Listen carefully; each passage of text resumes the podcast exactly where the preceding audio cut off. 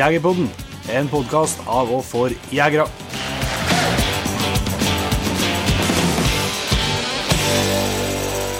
Hjertelig velkommen til en helt ny episode av Jegerpodden.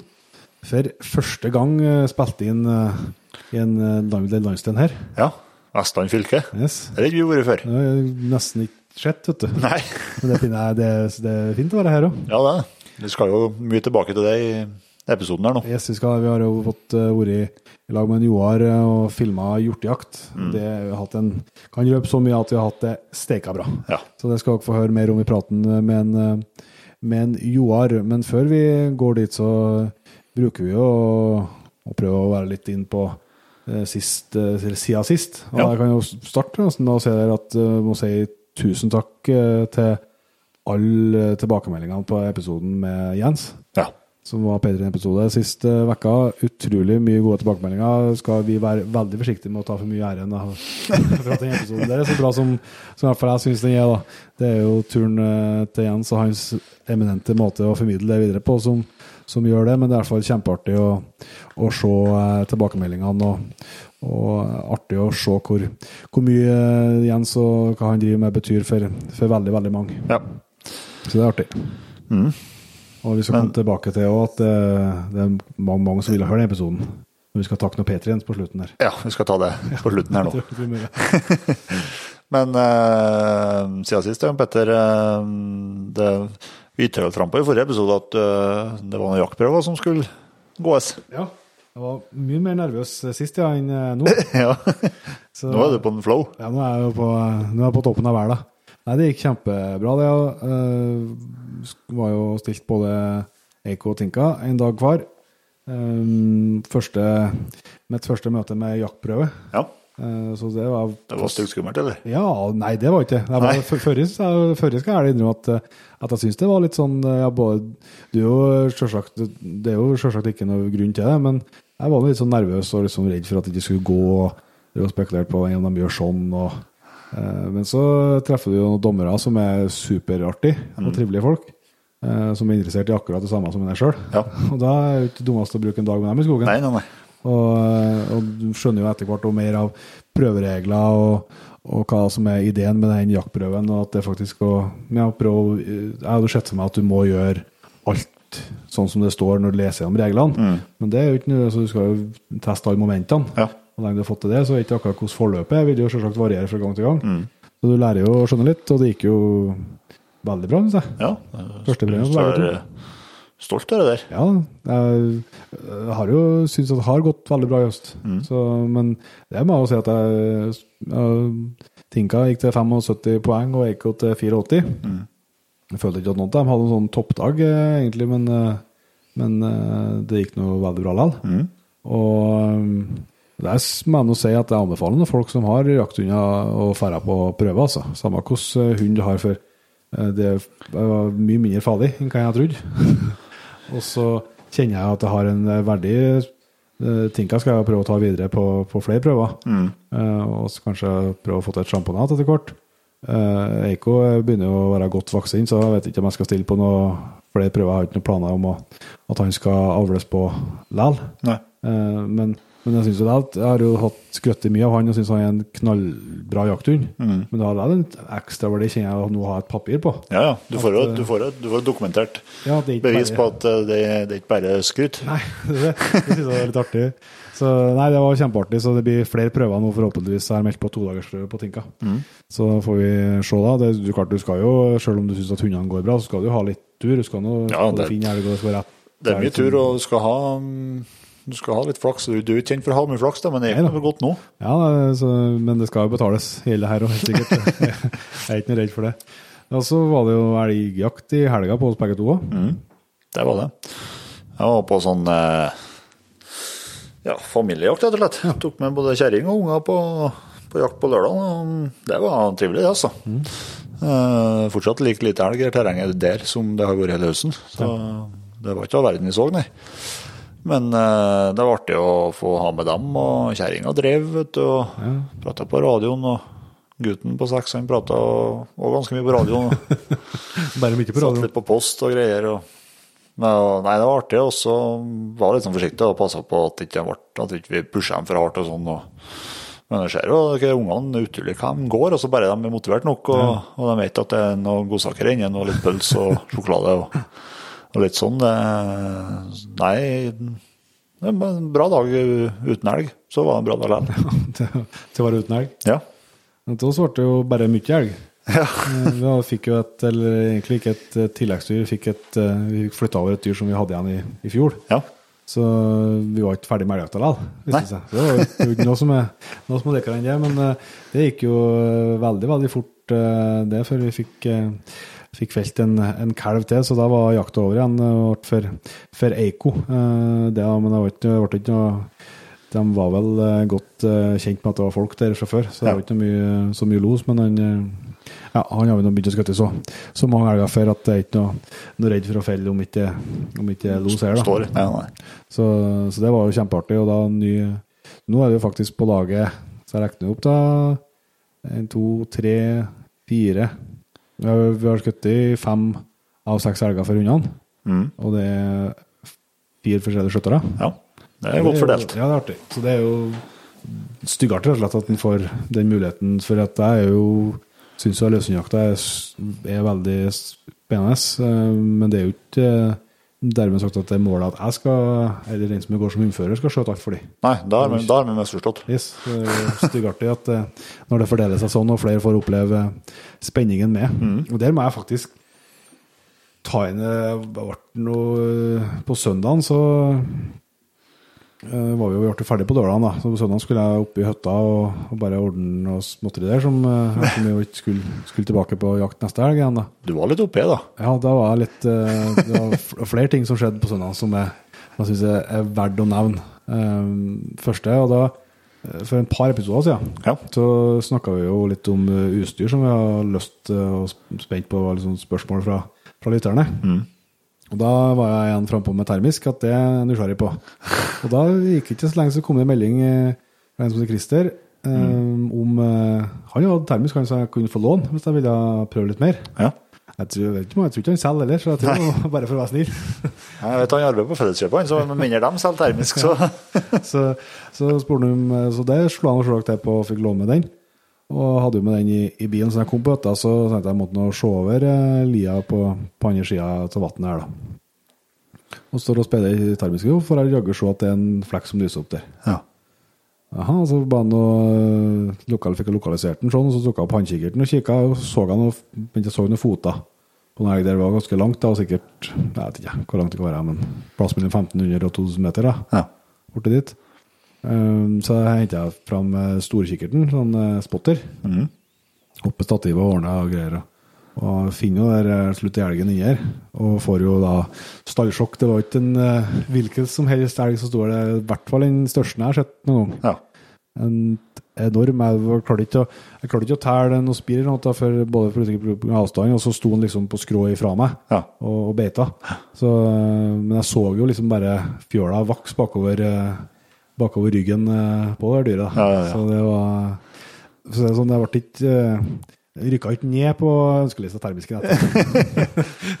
Nei, og så har vi jo fått uh, testa litt. Du har, nå bilen fortsatt, Ja, ja, ja. så vi har jo fortsatt litt dyr inn, og det, det, er, Artig, ja. det, ja, det er artig. Ja, det ikke Ja, det er en eh, fin gadget. Ja, det, så vi får, får komme tilbake til det. Men så skal jeg også ta med fra søndagen, for det syns jeg er for meg kanskje er en av de store opplevelsene i høst. For at på tur, eh, på tur tilbake så traff jeg jaktbasen i veien. Ja. Så stoppa han, han der og prata med han, og, og vi ble selvsagt eh, snakk om oksen og fortelle om den og sånn. da, og så, så liksom takka han for laget i år, og, og, sånn, og så, så sier han at eh, han er nå en godt, godt voksen mann, mm. passert 70. eh, Og sier at jeg har nå jakta elg i, i over 50 år, men den høsten her, det, det er den artigste jakthøsten vi har hatt. Så jeg sier det, så ble han litt med meg. Og, så nei, han syns det her er noe Sett der hundene har fungert, og det har kommet dyr på post til han i los, og, og, og det er spesielt det her trekkeren. Det er, det er noe helt fantastisk for å ha artig på jakt. Og det jeg syns jeg ble skikkelig, skikkelig glad. For at det er jo så tøft at, eh, at, han, kan, eh, at han har fått tatt del i det som, som vi har kjent på. Og så tenker jeg at jeg håper så sinnssykt at jeg er sånn sjøl når jeg er 70. At det har kommet noe nytt da, som jeg kan, noen kan komme og lære meg. Ja. og, så, og, som jeg kan, og som jeg kan bli så glad i. Ja, ja. At jeg liksom har den evnen der hele livet, istedenfor å sitte og være sur. så det, det syns jeg var en, det var en bra opplevelse, rett og slett. Men eh, vi kunne jo sikkert ha sittet her. Eh, Nå skal jeg, hvis og gi et lite syn bak gardinene, så er klokka faktisk eh, snart halv ti Ja. på kvelden. Og vi har ti timer å kjøre og skal være hjem til morgen tidlig, så vi må, det, vi må egentlig bare til å sette over praten med en Joar. Det, det. må kose dere med. Da har vi igjen gleden av å ønske Joar Søhol hjertelig velkommen til Jegerpodden. Tilbake, faktisk òg. Ja, tusen takk. Veldig kjekt å få lov til å komme tilbake på Jegerpodden. Ja, det er jo faktisk nå er to år siden. Det er to år siden sist, ja. Du var med en tidlig, tidlig gjest. Det var jo tema brødjakt og sånn som var tema da, men eh, nå har vi jo vært så heldige at vi har fått vært på besøk til deg i, i flere dager her og etter fantastisk mat og helt rå jakt. Så Du må starte med å si takk for det, kanskje? Jo, Det var veldig kjekt at de ville komme hit. Så håper jeg at eh, turen sto til litt av forventningene. Jeg gjorde det. Det gjorde. Så mye kan jeg si. Vi, eh, vi kan jo, jeg tror at en god del av Jegerpoddens lyttere kjenner deg godt, Joar, men eh, hvis det nå skulle være noen som hører på som ikke gjør det likevel, så kanskje vi skal ta opp igjen tråden litt om, om hvem du er. Ja, Navnet mitt er Joar Seol. Jeg er 36 år. Jeg er kokk. Uh, ja, ivrig jeger, fisker, uh, fangstmann. Driver med egentlig alt mulig. Uh, ja, driver Joars catering, min egen catering, med én ansatt. Og ja, har mye tid til eh, jakt og fiske og fangst og hobbyene mine i eh, perioder. Um, nå er det jo eh, tom bestillingsbok, så nå driver jeg bare og jakter. Ja, det er litt eh, Det er ikke eh, helt supert for cateringbransjen, eh, korona, eller? Nei, det Altså, for å si det rett ut nå, jeg har aldri hatt det bedre enn nå. Og bare, jeg kan bare ut og jakte og fiske. Men det blir ikke, det er jo, det blir ikke penger på konto, da. Så Det blir heller mindre. Ja, så, men um, har jo begynt med nye ideer og konsept. Jeg må jo bare prøve å um, komme på ja, nye ideer og konsept for å komme seg videre. Um, få til nye ting. Så jeg er på gang på noe, men um, det skal komme ut Yes. Det skal vi komme tilbake til. etter jul. Ja, ja. Vi, skal ha nyheter hvis det blir nyheter Jegerpodden i dag. Ja, ja, ja. Men uh, hvis det, vi starter litt eh, med det, kanskje med invitasjon. Jeg vet jo at eh, du er, er og har vært jo flink til å, til å ta med deg folk eh, ut på jakt og få lov til å oppleve hjortejakta som du har eh, tilgang til her du bor. Um, og sånn starta jo den eh, turen her òg, i forbindelse med konseptet å ta med deg en. At du, det er et konsept du skjønte og ville bidra til. Og nå har vi jo da vært her i tredje dagen i dag med jakt og mat. Det har vært, jeg vil si, ekstremt vellykka. Utrolig artig. Vi kan jo ta det er kanskje jakta først, da. Eh, Vi starta første jakta på mandag. Og da var det ble det ikke gjort det første fallet, men Nei, eh, første dagen da ble det jo eh, jakt på um, Kaupanger. Det terrenget har vi hatt uh, før, så jeg var jo godt kjent i det. Så da valgte jeg å gå og snikjakte litt med Magnus da um, helt i lysningen. Og vi hadde ikke gått så lenge før vi så um, koll og kalv og ungdyr. Og um, det er litt spesielt terreng, da, for det er jo, det er jo en sånn søppeldynge midt i terrenget, så jakta vi rundt. Og så, så kom vi på disse hjortene, da. Og eh, Magnus la seg ned eh, og sikta, men vi hadde jo da søppelbiler i bakgrunnen.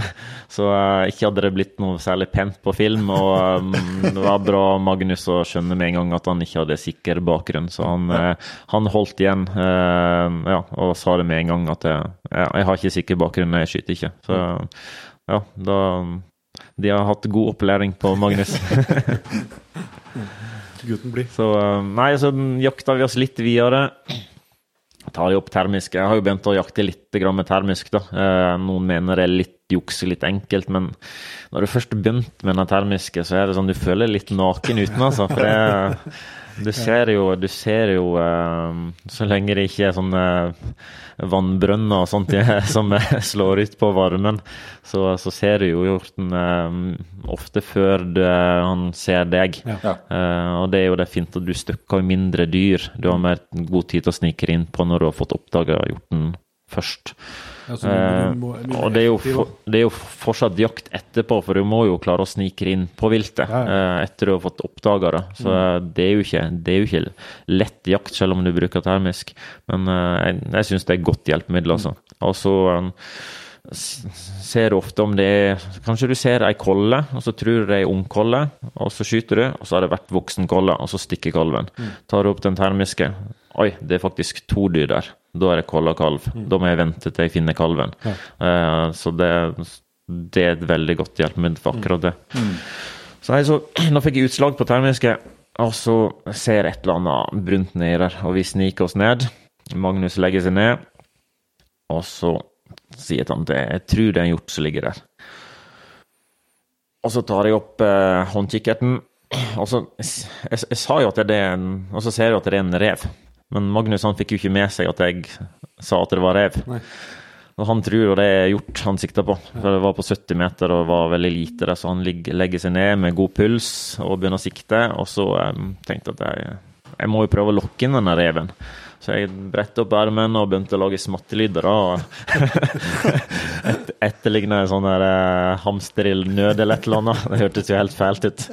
Og, eh, ja, da tror jeg kverna mye oppi huet til Magnus. Han liksom, ja, Er det sånn de lokker på denne hjorten her? i- Det var ikke akkurat sånn han trodde jeg lokka på seg hjortene. da. Så, men så eh, fikk han med seg etterpå at det var, at det var, det var en rev som lå der. Eh, så den, eh, den reven den letta litt på huet, og så kjekka han litt på oss, og så bare la han seg ned igjen og Jeg har akkurat kommet inn fra morgensøkta på dynga. igjen. på dynga, så han var stappmett. så han bare så at han bare tok att øynene og la seg fint ned igjen og sov. Så, så da ja, fikk Magnus sneke seg litt, litt bedre posisjon, og så ja, fikk han eh, ropt på reven litt, og fikk han opp på beina, og så fikk han eh, skutt sin første rev. Yes. Det var, Så det var en fin start, det, altså. ja, det var Ja, konge. ja. Vi prata på radioen og hørte dere skuddet? Så nei. Så jeg hørte ikke skudd. Nei, det første fallet er på film. Bare oi, det gikk fort. Så syns jeg var litt sånn, litt sånn rart at det ikke ble sagt noe mer om hva det, hva det var, men jeg fikk jo forklaringa. Det kom på Snap. Ja, det kom på snap etter hvert. Men vi, har jo, vi hadde jo en eh, spennende dag eh, videre her, både med los og, og i det hele tatt. Men vi ble ikke, eh, det ble ikke noen fall. Men dagen etterpå så tok du med oss til fjells.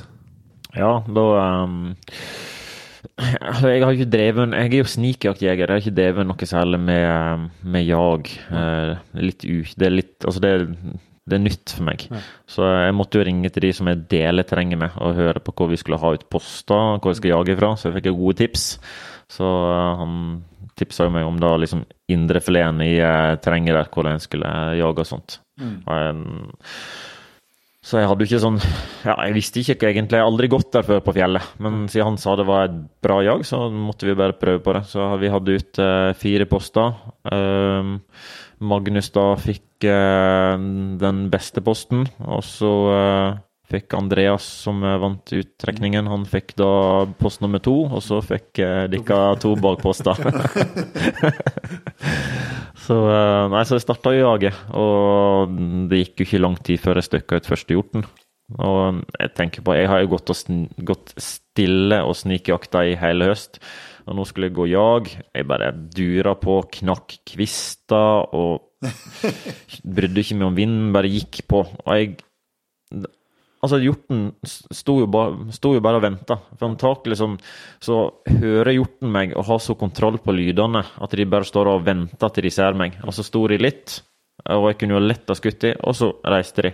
Men jeg tenker liksom, det som er tenkt i ettertid at når jeg går og snikjakter og knekker kanskje en kvist her og der, så blir dyra De hører det, og så blir de usikre, for de klarer ikke å finne ut De har ikke kontroll på hva som kommer innpå dem, og så reiser de før jeg kommer innpå. Nå når jeg tramper og går i skogen, så hørte de meg hele tida. Og da hadde de kontroll på situasjonen. Jeg tror det var det som gjorde at de faktisk sto og trykka. Ja, så var det, det var sikkert litt væravhengig, at det var et vær som, som innba til at de ikke ville ut og springe i Hvis de ikke måtte, da. Det var jo ikke akkurat Det var det var et solskinn. Nei, det kan jeg ikke si. Nei, jeg, eh, det var jo veldig mye regn, så jeg sendte jo melding om vi skulle utsette turen, men eh, de ikke ville komme. Så Vi trodde vi visste hva regn var, vi. Vi skulle, vi skulle oppleve vestlandsjakt, vi. ja. Da er det regn som hører med. Ja. Jeg støkka ut ene dyr etter andre, så jeg hadde vel ut 25 hjort på eh, jaget totalt. Og jeg vet ikke hvor mange dyr som kom på posten deres. Ja, på våre så er det lett å regne opp, ja. det var litt, det var verre å summe. Du måtte nesten fram med en sånn eh, tellerekke på eh, de to andre postene, for det kom det ganske bra med dyra. Jeg tror vi kom fram til at det var en 15-16 hjorter totalt som kom på, kom på de to postene. Så det er veldig bra jag, ja. Ja, det er en bra hund, ja. Ja. Og så var det jo, Sjøl selv om vi sto på bakposter og, og værsett på et vis og andre skulle, skulle få gjort dem på post, så var det jo eh, For du var jo flink til å informere over radioen og, og si hva som skjedde, og hvilke hjorter som var på tur. og Ja, ja. Det var, det var fordelen vår, for de, de hørte ikke De som satt på rett postene, de hørte ikke det på radioen. Mens vi fikk i hvert fall den, da. Så så varma oss jo med hver melding om at det nå kommer gjort der. Og du hadde jo en ganske spesiell en der med en, eh, en ganske bra bukk som eh, du drev og sprang kapp med òg. Ja, den, det, det, det er det rareste jeg har vært med på. Nå går jeg på en bukk. Han står åpen på myra på 70 meter. Bukken ser meg. Tar jeg og runder litt rundt han så jeg skal få han rett mot postrekka. Og så bare går jeg rett imot han. Og bukken står. Jeg går åpent imot han fra 70 meter og helt inn på 40 meter. Og han vil ikke flytte seg. ikke snakk om. Og så begynner han å gå imot meg og skråtte oppover. Og så begynner han i lett trav. Og da begynner jeg òg i lett trav. Så vi springer jo parallelt på 40-50 meter opp gjennom fjellsida. Og han ville ikke mot postrekka. Det var ikke snakk om. Men eh, det, det som skjedde, var jo det at eh, når jeg sto der eh, og hadde bukken på 70 meter, så eh, da hadde vi jo faktisk da hadde vi jo skutt en bukk. Eh, Jeg har bukk atter på kvota, men jeg har lyst til å ha til en eller to bukker til brøljakta til neste år. Men jeg sa jeg, jeg sa på radioen at jeg, hvis bukken kommer på en av de postene med kamera, så skal de få lov til å skyte den, så vi får det på film. Så uh, antakelig så har vel den der bukken der uh, han, han har hørt hva vi snakker om. Jeg skal faen ikke bort til uh, den postrekka. Så det var ikke snakk om at han skulle den veien der, altså. Jeg har jeg har aldri opplevd maken. Det var han, han skulle forbi meg. Jeg hadde sikkert fått Jeg hadde skjønt det lukta av trøndere borti det tror jeg. Noen, Men Det, det ble jo bra. det ble jo bra som Magnus fikk jo, Både Magnus og Andreas fikk jo, fikk jo bra med dyr på post, og, og det var bare tilfeldigheter som gjorde at det at det ikke datt, eh, datt flere. Men det, det ble jo det ble jo en veldig suksessrikt lag med, med felling. og Ja, jeg fikk jo se at de klippa ifra den som filma. Det var veldig eh, rå og flotte opptak. Din første nidyra kom jo veldig rolig ned fjellberget, da. Men eh, det var litt sånn tett skog. Uh, Magnus var første gang han har fått uh, sånn hjort på post. Det var mye kvist. Veldig bra av han å ikke skyte på der det var mulighet for å treffe kvist.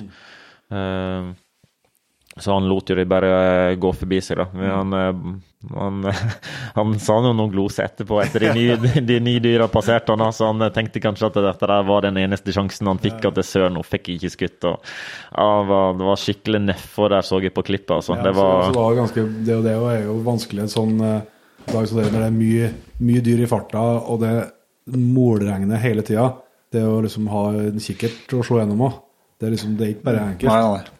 For det, det er jo ikke eh, Du må jo liksom være klar til at de plutselig kommer, og så Ja. må du liksom passe på at det ikke regner i i linsa samtidig. Ja, det var jo litt dugg på kikkersiktet og så var jo han, eh, hadde jo han tredd på seg den fjellduken. Så han, han skulle prøve å flytte seg litt på posten. altså Det var jo sånn eh, sånn som du ser på 17. mai, sånn, der, sånn sekkehopping. sånn hybrid mellom sånn sekkehopping på 17. mai og Teletubby. det går an å glede seg til å se det klippet der. Altså. Så fikk han jo denne her eh, åttetageren som han fikk eh, felt etterpå.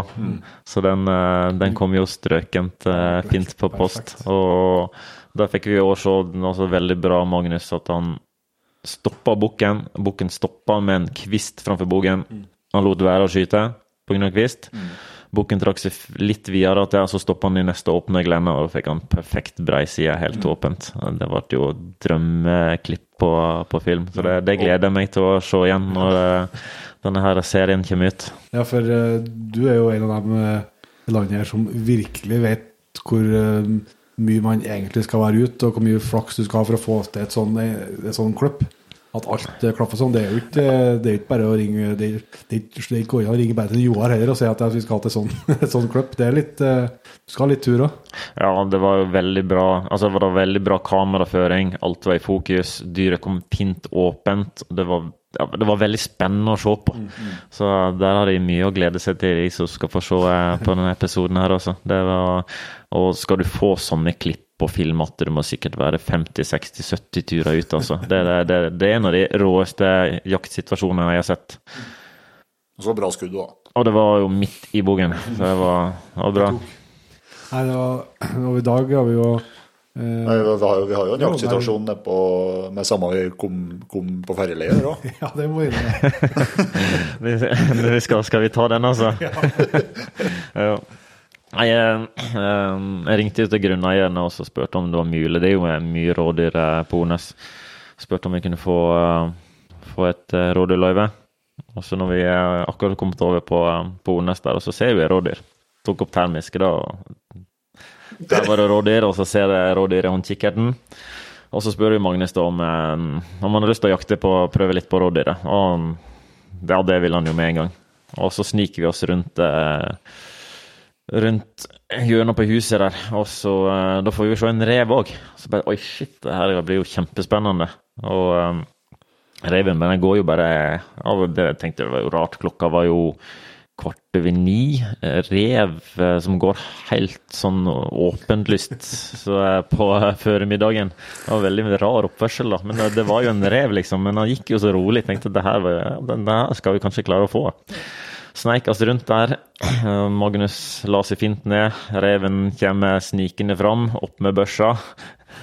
Så snur han seg og så bare Det er katt.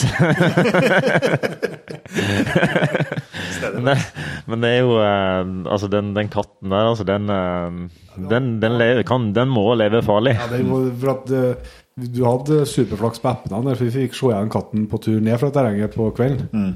Fra bilen, ja. Fra bilen. Og da, da ble du frikjent igjen.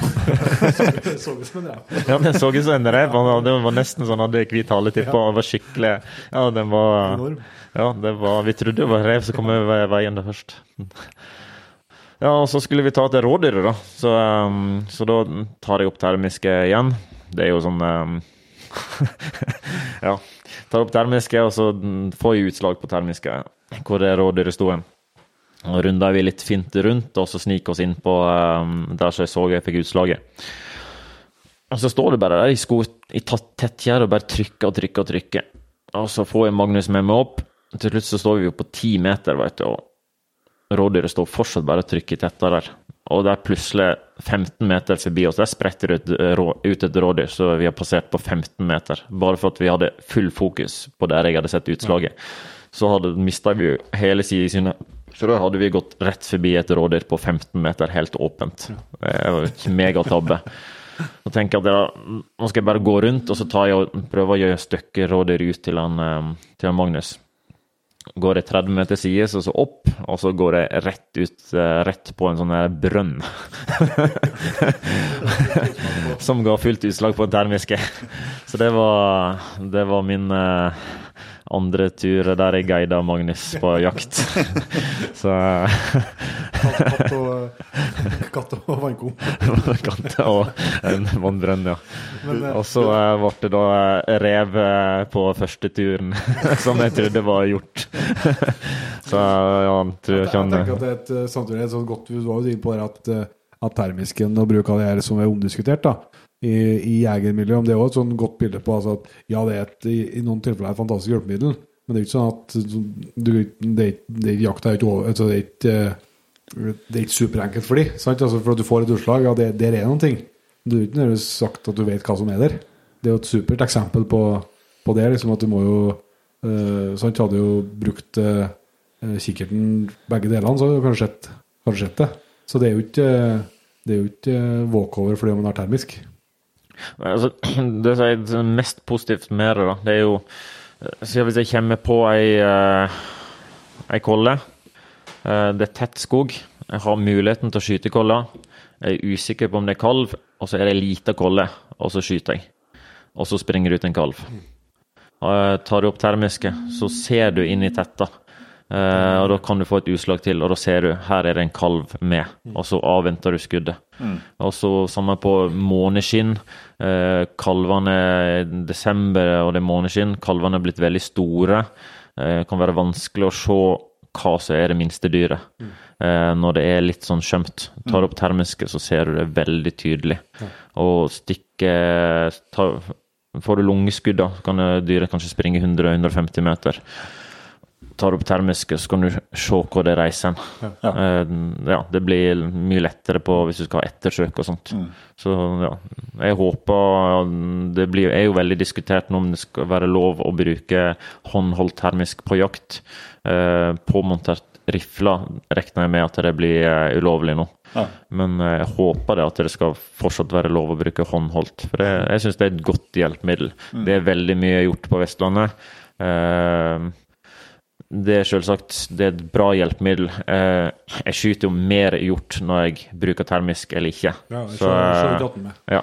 Eh, men allikevel, det er, det er vanskelig å komme inn på hjorten, selv om du har oppdagere med termisk. Ja, ja, Du må jo så snike det inn på.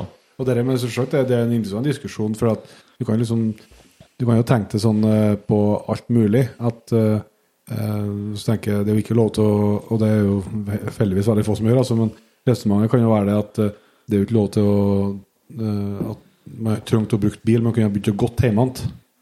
Uh, Istedenfor å kjøre tre tre kilometer jakta starter. Men det er jo ingen som gjør det. Fordi at det er mye mer effektivt å ta bilen og kjøre dit, og så begynne jakta der jakta er. Så det er jo akkurat samme. altså Hvor skal grensa gå hen for hva som gjør jakta fer effektiv eller fer bra hjelpemiddel? Det er jo et fantastisk hjelpemiddel å kunne kjøre bil på fjellet. Hvis Ja, er vei opp til fjellet. Eller, eh, eller ta ferje over istedenfor å kjøre rundt. Så jo, vi bruker jo masse hjelpemidler som gjør Ja, ja. eh, jakta mer effektiv. Og så er det bare vi har vent oss på at bil er ingen som tenker på at transport det er jo faktisk også et kjempehjelpemiddel for, for jakta, selv om du ikke jakter fra, fra bil. Så, så det er jo det er bare at utviklinga går, og at det kommer nye, nye ting. Men jakta den består jo uansett. Ja, pga. teknologien nå, så blir det jo skutt mer av vilt. Men så lenge det Det har jo blitt mildere og mildere vintre, så stamma øker jo Ja. hele tida. når uh, faren min begynte å jage hjort i ungdommen, så var det nesten ikke hjort her i bygda. Det, det fantes nesten ikke. Det var sjelden. Kanskje de fikk én hjort i løpet av hele sesongen. Ja. Uh, Det var harde vintre. Det var mye snø. Det var vanskelig for hjortestammer å komme opp. Nå har det blitt eh, milde vintre, og hjortestammer skyter i været. Vi har hatt to harde vintre der det har blitt redusert kraftig, men det kommer seg fort opp igjen. Det er, det er så mange fjelldaler som er urørt, som jegere ikke går i. Så det, det, det er mye gjort. En ser det når, når det blir så milde vintre, så er det kanskje ikke før januar-februar at det virkelig kommer store snømengder. Og da ser du hvor mye hjort som er eh, når all hjorten kommer trekkende ned til bygda. Så ja, det, selv om det er folk har noen lyssterke kikkerter med opp, opplyst retikkel, og det blir skutt mer hjort pga. det, så, så, så mener at det er hjortestammer det tåler det. Ja. det er Og det, det sånn som det skjedde nå for fem år siden. Det ble en veldig hard vinter. Eh, og før der så hadde jo hjortestammer økt noe kraftig i terrenget mitt. Det var altfor mye dyr. Eh, det ble nedbeita i hele terrenget. Til slutt så var det altfor lite mat til hjorten. Ja. Eh, vekten gikk ned. De hadde ikke fett på seg. Eh, Skjøt jo hjorta i oktober, november, tidlig november. De hadde ingen fett på seg. Nei. Og så kom det en hard vinter, og halve hjortestamma døde. Så det, det er viktig å ha eh, riktig avskyting og mm. på hjorteviltet. Ellers blir det for mye hjort, det blir mye trafikkpåkjørsler. Og det er ikke bra å se på dyr som lider og sulter. Og nå pga. skrantesjuka som har vært nå i Lærdal, så er det ikke lov å fôre på vinteren. Nei. Har ikke lov å ha uten noe mat. Nei. Da blir det jo desto tøffere å være selvsagt. Ja, så det, jeg føler at vi jegere, vi har Vi gjør en god jobb eh, med å holde, holde hjortestammer som er, er sunn og bærekraftig.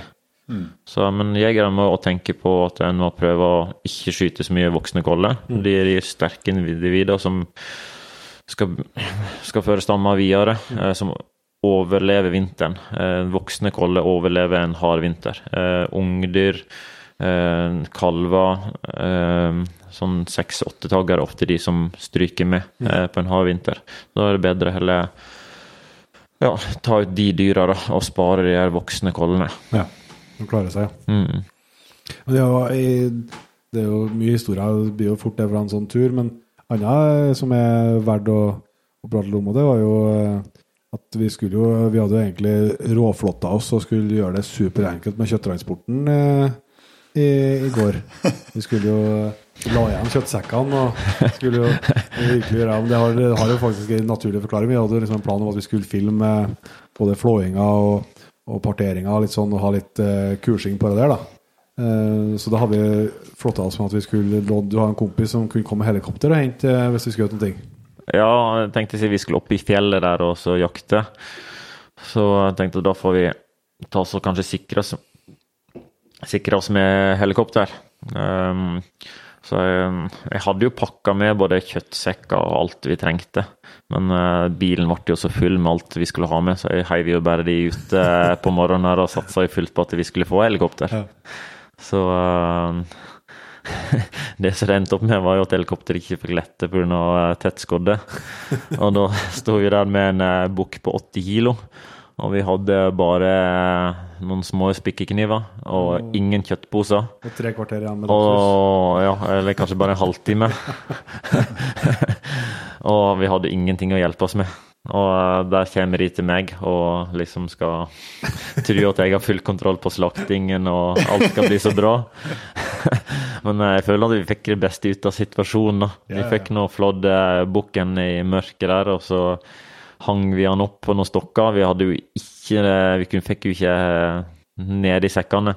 Vi hadde jo ikke kjøttposer, så vi endte med at vi tredde alle stykningsdelene på stokker. Og eh, to mann bar da stokkene opp på skuldra med kjøttdinglene mellom seg. Ser jævla Så det- bra ut på film, da. Ja, det så jævlig bra ut på film.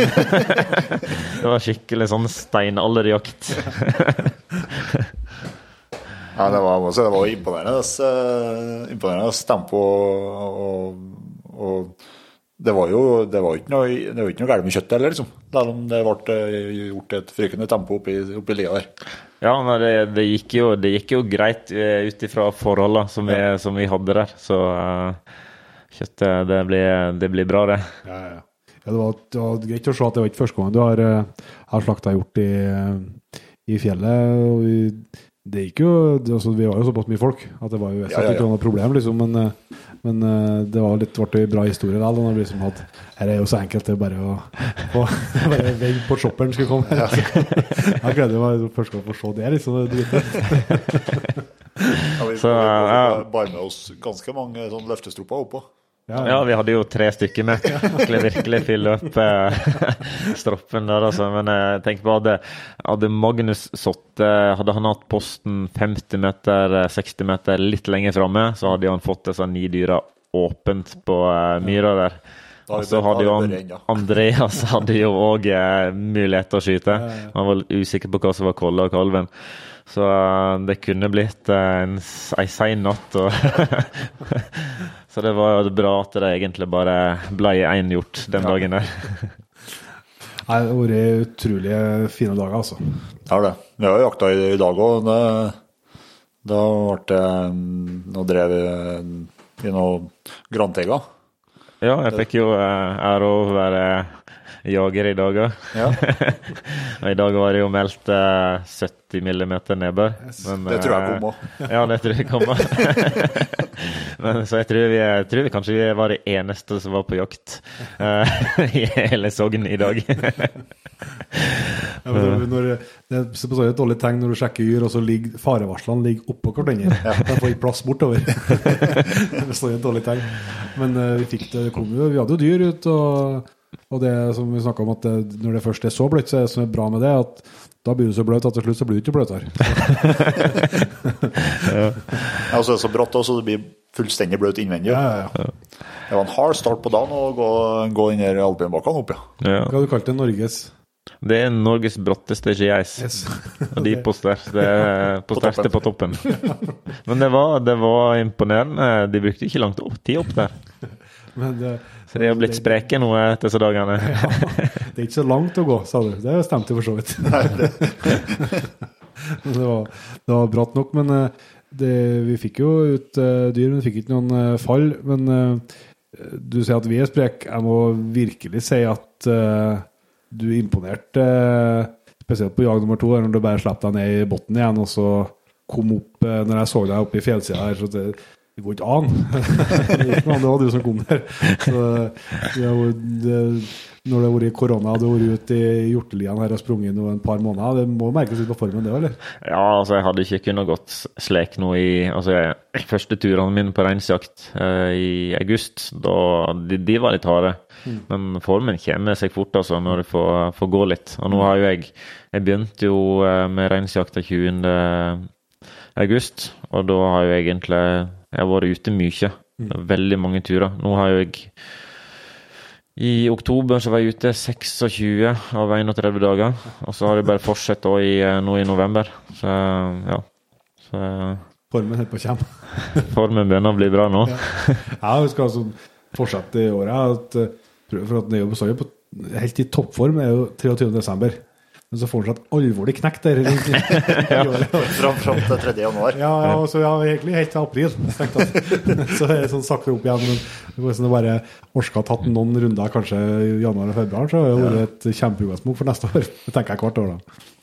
Men det er jo sånn, jeg kjenner jo på det. De, de er jo her for kanskje bare de, sånn de tenker kanskje at de er for opplevelsen og opplever hjortejakta og, og den sosiale biten med det. Men sånn, når jeg inviterer ikke helt fra Trøndelag, så har jeg jo lyst til at de skal få eh, dyr på post, og kanskje være så heldige å få felle. Så det er liksom Ja, jeg kjente jo på det i dag at det, ja, det er en liten ekstra innsats. så det var jo Du eh, kalla jo meg opp på radio når vi skulle bryte og stikke hjem.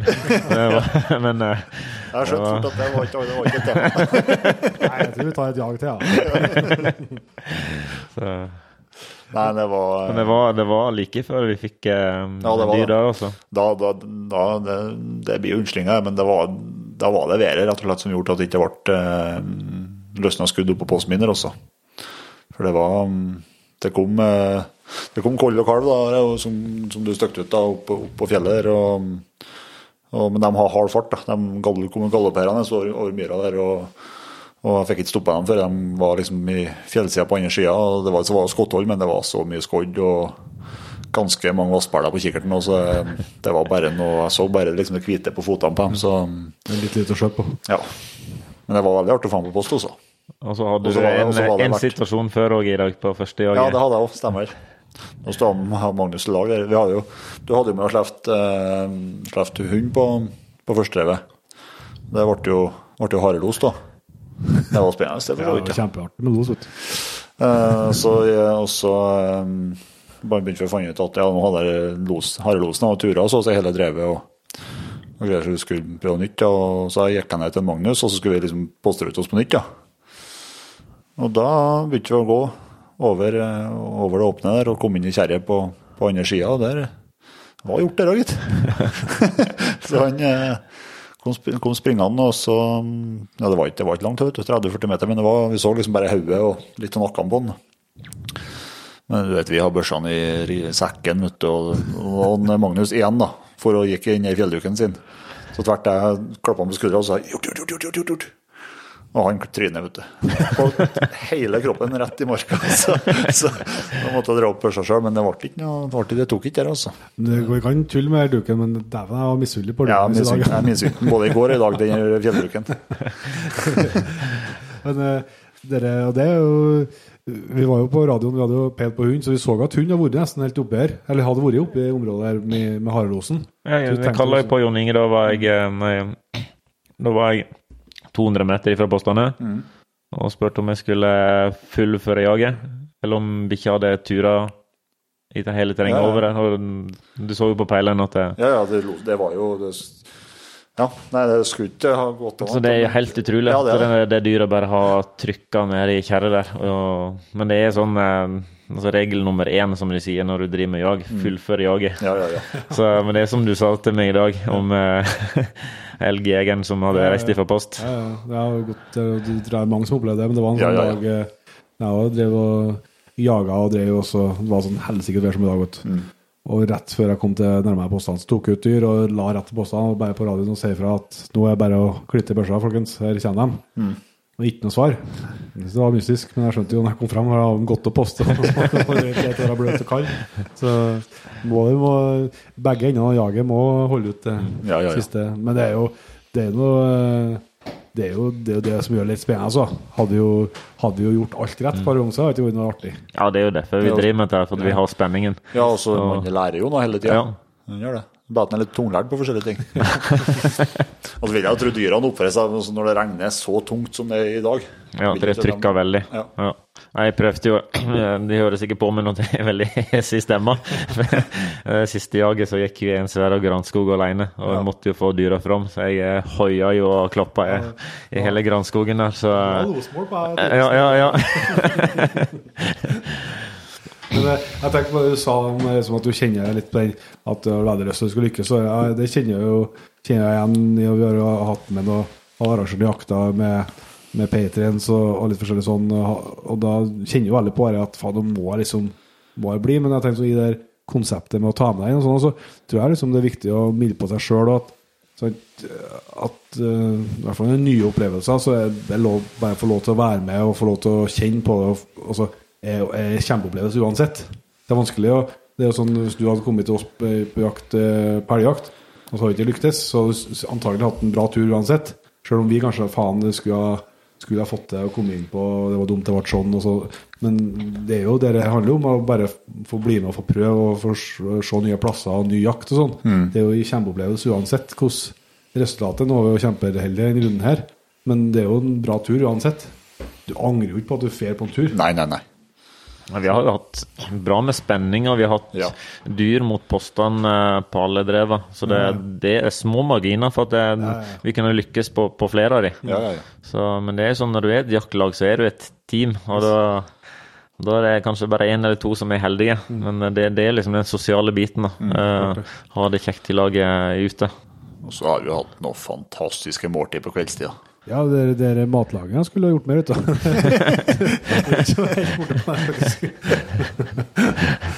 Ja, dæven ta god mat. Vi, skal, vi, har, vi har en sånn plan om utfordring på slutten her, med litt uh, tips. uh, Tips mot ta, jula. Ja, tips mot jula vi skal ta med oss. Men uh, som jeg sa helt i starten år, så for to år siden når du var gjest i Jegerpodden, så var det jo brøljakt som var tema, og det er jo en jaktform som ja, Vi som har sett filmene dine, eh, det er lett å forstå at en blir glad i den jaktformen, da, for, å, for å se vilt.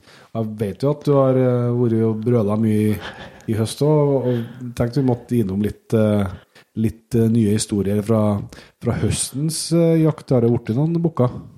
Ja, det har jo blitt noen. Jeg følte jo um, i fjor, da løsna jo litt på slutten i fjor, og tenkte at nå, nå har jeg knekt koden på denne brølinga. Nå, eh, nå har jeg stålkontroll på disse bukkene. Nå bare så jeg fram til neste oktober at nå, nå skal jeg lure dem. Nå har jeg triksa klar, liksom. Eh, oktober kom, var vi eh, i eh, Bykkjelo der og så jakta.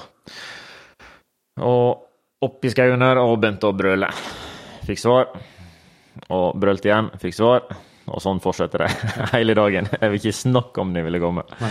Jeg tenkte ja, det her var noe rart. Kanskje ikke brunsten var sånn skikkelig i gang, liksom. Så dag to brølte masse. Akkurat det samme. De ville ikke komme på lokk.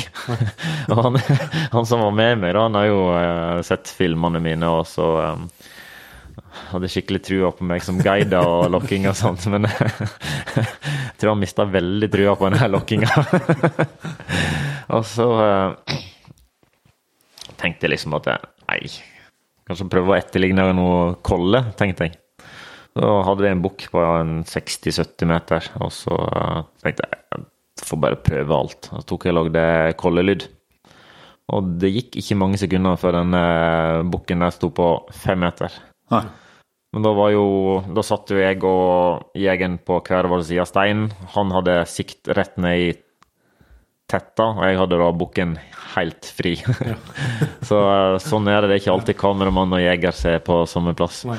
Så uh, det ble ikke felling der, da. Um, Hvordan høres ei kolde ut, da? hæ? Koldelyden, hvordan er den, da? Ja, Hvis jeg får den til nå, da.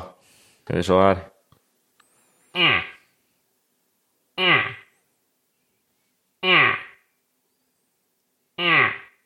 Og så har du kalven. Ofte kolla roper på kalven. Sånn i brunsten så kan jo eh, kolla bli jaga på en bukk, og da bare stikker jo kolla rett av gårde, hvis det er en sånn som jeg kaller da, voldtektsbukk som kommer.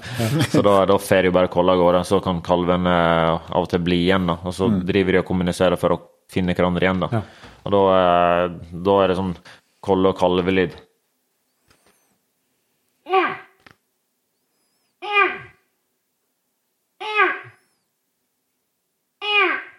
Det er da kalven.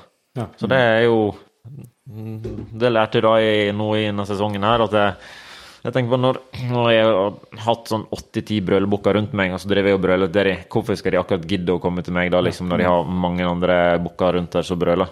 Men hvis du da lager kollelyder, så tenker bukken oi, her er det kolle som jeg kan prøve meg på.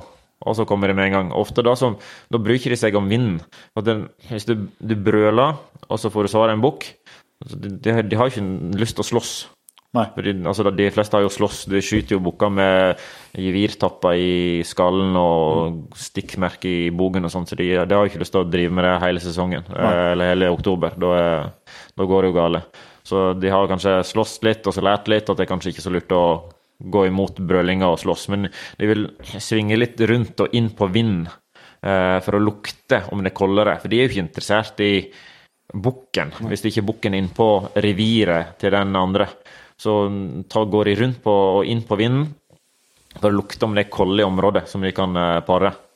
Og jeg merka det når jeg lagde kollelyd, så um, bruker de seg så mye om vinden. Da går de rett, rett på med en gang. Så det, det var noe nytt jeg lærte i år. Ja. Tøft. Så nå har du enda et, eh, enda et triks i Til neste, Nå, nå, nå, nå har jeg det. til neste år. ja. Så er det jo um, Jeg merka at når jeg var i Jeg var, hadde med Torola på uh, Torola Dæhlie på, på jakt. Og da var vi på et område der det ikke er så tett med bukk. Eh, Bukkene har da muligheten til å lage større revir, eh, som er liksom det er deres. Og når vi kom inn på det reviret, så var det merka at det var lettere å få det inn på, på lokk. Eh, jeg har et terreng som det er veldig tett med bukk, og da har bukkene veldig små revir. Og da er det vanskelig å ja, altså Bukka skal ikke inn på andre sine revir. Da kommer de med en gang og jager de vekk. Ja, ja. For de har, liksom, de har kanskje to-tre koller de passer på inn på reviret sitt. Og hvis kollene prøver å reise ut av reviret, så bare går de rundt og De stanger de faktisk. Jeg har sett at de- bukkene stanger de bak kollene. Ja. Det er skikkelig mishandling. så de skal liksom holde kollene inn på sitt, sin plass, da. Så da, da er de veldig sånn å forsvare området sitt. Hvis det, du klarer å komme inn på reviret og tar noen småøy rundt der, så, eh, så kommer de. Men da, da, da er det litt viktig å ikke dra på et sånn kraftig brøl. For da er det da er de kollene ser jeg tenkte nå kommer det en sånn voldtektsbukk, da må vi trekke oss unna. Og da, da kan bukken reise etter for å hente til kollene.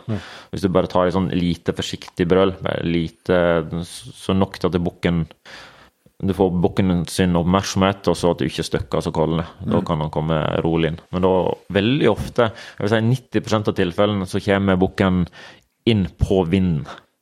Ja. Han, eh, Han runder rundt der, liksom. Han runder rundt, og han kan ta en god bue. Så det, en må prøve å ha god skytesikt i den eh, retningen vinden trekker. Ja. Eh, veldig ofte så drar de rundt og inn på vind. Eh, vi hadde en situasjon i høst. Da prøvde vi alt vi kunne for å komme Vi visste hvor bukken var, han sto i en liten furuteig. Og så gikk vi sånn at vi kunne unngå at han, sånn, sånn at han ikke skulle klare å få oss. Så vi gikk oppå et berg og hadde ansiktvind og lokka på han. Han ville ikke komme. Han svarte og var skikkelig forbanna på oss. Men han bare svarte. Sto i ro. Og så fikk vi et lite vindpust nedover, og da kom bukken med en gang. Da flytta han seg de eh, 100 meterne rett inn på vinden. Ja. For da hadde bukken kontroll på situasjonen. Og Da kom han rett inn på vinden, lukta oss, og så stakk han. Så hørte vi han brølte seg ut gjennom. Så, så det, er ikke, det er ikke så lett å så få disse her inn på lokket, altså. Nei. Det blir litt sånn som reven, da, egentlig. Det er egentlig veldig likt uh, revelokken. Ja. Uh, revelokking. Men det er, jo, det er jo forskjellige individer, og noen Jo. har skikkelig selvtillit som bare durer rett på og vil slåss. Men de fleste runder rundt og inn på vinden. Vil ha kontroll før de Ja. vurderer situasjonen, ja. ja. Det er jo Men- mer naturlig. Ja, det. Men øh, har du noe øh, Har du noe historie å dele med oss ifra noe til jakten inn nå? Fra brø- brølejakta? Ja, Øh, den første turen da, så hadde vi jo Da hadde vi først lokka inn den der åttetaggeren som, ehm, som da vi ikke fikk skutt, da, eh, som kom åpent til meg. Og så siste dagen, da, så eh, prøvde jeg da, da hadde vi eh, god kontakt med en bukk, og så prøvde jeg da kollelyd. Den kom jo imot oss med en gang, og så kom han da glidende fint inn på vind. Så så sto han på 30 meter, og det var akkurat i lysningen på morgenen. Men nok til at jeg fikk stilt inn kamera til å få greit, eh, greit fotolys. da. Men det var, det var litt, litt skjømt, men jeg fikk det fint på film, da. Og det smalt jo ikke. Og så Bukken sto jo der, og så fikk han vinne, og så, stakk han. Og så eh, tar jeg kameraet over på, på jegeren, og så Sånn at ah, han så det var, det, var, det var mørkt, og så syntes det bare var pelsen. Så jeg fikk ikke skutt. Og så tenkte jeg bare det var rart, altså. Det, ikke det smalt der. Og så tenkte jeg, var jeg hjemme, og så sjekka jeg klipp og sånt, og så så jeg på, på TV-en hjemme. Det viste seg at jegeren ikke hadde tatt opp klaffen på kikkersiktet sitt. så, så da, da, da ser du jo ikke mye. så det var Ja. Det var den eh, Da var Ja, så du fikk ikke noe på den turen der, da. Og så eh, var jeg med, ble invitert med eh, en jeger eh, i nabobygda her. Eh, som jeg, det trenger jeg aldri ha vært i. Jeg har bare hørt at det var bra med brøling der. Og jeg har aldri hørt så mye brøling før. Bare sånne gromme, gromme, gromme bukker. Og så hadde han fått en eh, bukk på kamera. Altså hadde han hørte Han hadde en veldig spesiell røst, da. Så han, eh, han hoppte på at eh, den bukken var der i år òg. Så gikk, gikk, gikk vi opp under lia der, vet du. Der hører vi det gromme brølet. Høres ut som sånn altså nesten sånn ungarsk, eh, polsk bukk. Skikkelig, skikkelig grom. Så da, da gikk vi jo oppover der, og så får vi, får vi se han. Og så tar han opp håndkikkerten, og så bare Det er bukken, det er bukken. Da gikk han for han rundt oss, og så jaga på noen småbukker rundt der. Og så eh, Det som skjer, er jo at vi prøver å brøle på han, men han brydde seg ikke så mye om oss. da. Han drev og jaga på en mindre bukt der. Ja. Og så kommer en liten ja, seksdager som prøvde seg på den ene kolla. og Da ble han steik forbanna og jaga på den. Og da kom jo eh, den 16-tageren rett i fanget på oss. Og fikk han jaga vekk den seksdageren, og så stilte han seg fint opp på 40 meter og nibrøla og drar hornet bakover. Og så fikk han eh, skutt han. Så det var, det var rått. Det var ja, første sånn skikkelig store hjortebukken jeg har fått på film. da. Det er jo ja, det var gull pluss pluss. Det var tror jeg sånn 180 poeng. Det var, det var, det var grom. Det var rå opplevelse. Det er jo mange som sier ja, du skal ikke skyte store bukker, men når de har kommet opp på den størrelsen der, så går ikke lang tid før det er retur. Jeg synes det er helt Det var så mange bukker der, og ja, det var nok av disse ungdombukkene som kan ta over. Så det gjør ikke noe om å ta ut en sånn skikkelig voksen bukk. For plutselig er han eh, for gammel, og så dør han av naturlige årsaker. Så eh, ja, det var, det var en kjempeopplevelse. Du har jo hatt noen, eh, du nevnte jo Tor Ola, som var tidligere gjest i Jegerpodden. Uh, han eh, måtte uh, to turer til, til Joars eh, lokkeskole for det. Ja, han, eh, han kom jo hit, da. Han var jo, eh, får jo Det får jo mange meldinger fra, fra jegere som har lyst til å komme hit på hjortejakt, og spesielt den her brøljakta. Men eh, jeg, jeg kan ikke ta med alle, eh, så det blir til at jeg tar med de som jeg kjenner til og har, har hatt litt kontakt med. Eh, og Tor Ola har jo jeg eh, pratet med en del og fått gode tips om lokkejakt på rev. Eh, så ja. Eh, han hadde lyst til å komme over, da, så eh, han kom jo da i midtbrunsten. Det var veldig bra med brøling. Eh, første dagen så eh, fikk vi lokka opp en veldig flott, stor eh, åttetager. Eh, den lokka vi opp ifra nedi Vi satt oppe på fjellet. Vi har, terrenget er sånn at du har lov til å jakte oppe på fjellet, men eh, grensa vår er liksom Vi kan ikke skyte hjorten nede i skogen. Ok. Så, men det er liksom Du skal ikke lokke hjort ifra naboen sitt terreng over, men det er liksom Brøljakta må være lov. Eh, så uh, fikk vi lokka en uh, bukk da ifra naboen og opp på fjellet. Uh, da hadde vi han på 150-160 meter, da drev han og brøla rundt. Men da sto han akkurat i skogen. Han måtte ha ja, to-tre meter for å komme over de siste skogklåsene der. Så um, det var sånn Det var akkurat sånn på grensa.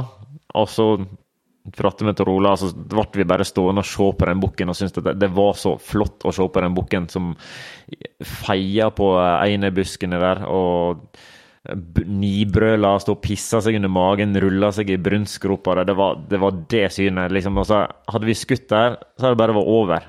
Så vi, vi ble bare sittende der og måpe og bare nyte det flotte synet av den brølbukken der. Så ja, vi valgte å ikke skyte. Eh, fikk kjempefine opptak av uh, bukken. Og ja, vi satt jo oppå fjellet der med hele fjorden i bakgrunnen og bukken under, så de var der og herja på. Det var, ja, det var en bra første jaktdag. Og så eh, andre dagen var vi tett inn på brølebukk. Vi så ja, masse kolle og kalver, men det er kalver. Men det var, det var sånn akkurat at vi klarte å se eh, bukkene. Så eh, du har så trua når du sitter attmed, rett attmed kollene. Og du har sånn trua når du ser kollene og bukkene driver og brøler rundt deg, men det, det er små marginer for at du ikke får det inn, altså. Så ja, det endte bare med at det var mye nesten på begge turene. Da hadde vi morgenøkt og kveldsøkt. Og vi hadde, jeg hadde satt av tre dager med Tor Ola. Så, så skulle Joakim eh, komme på en tur etterpå.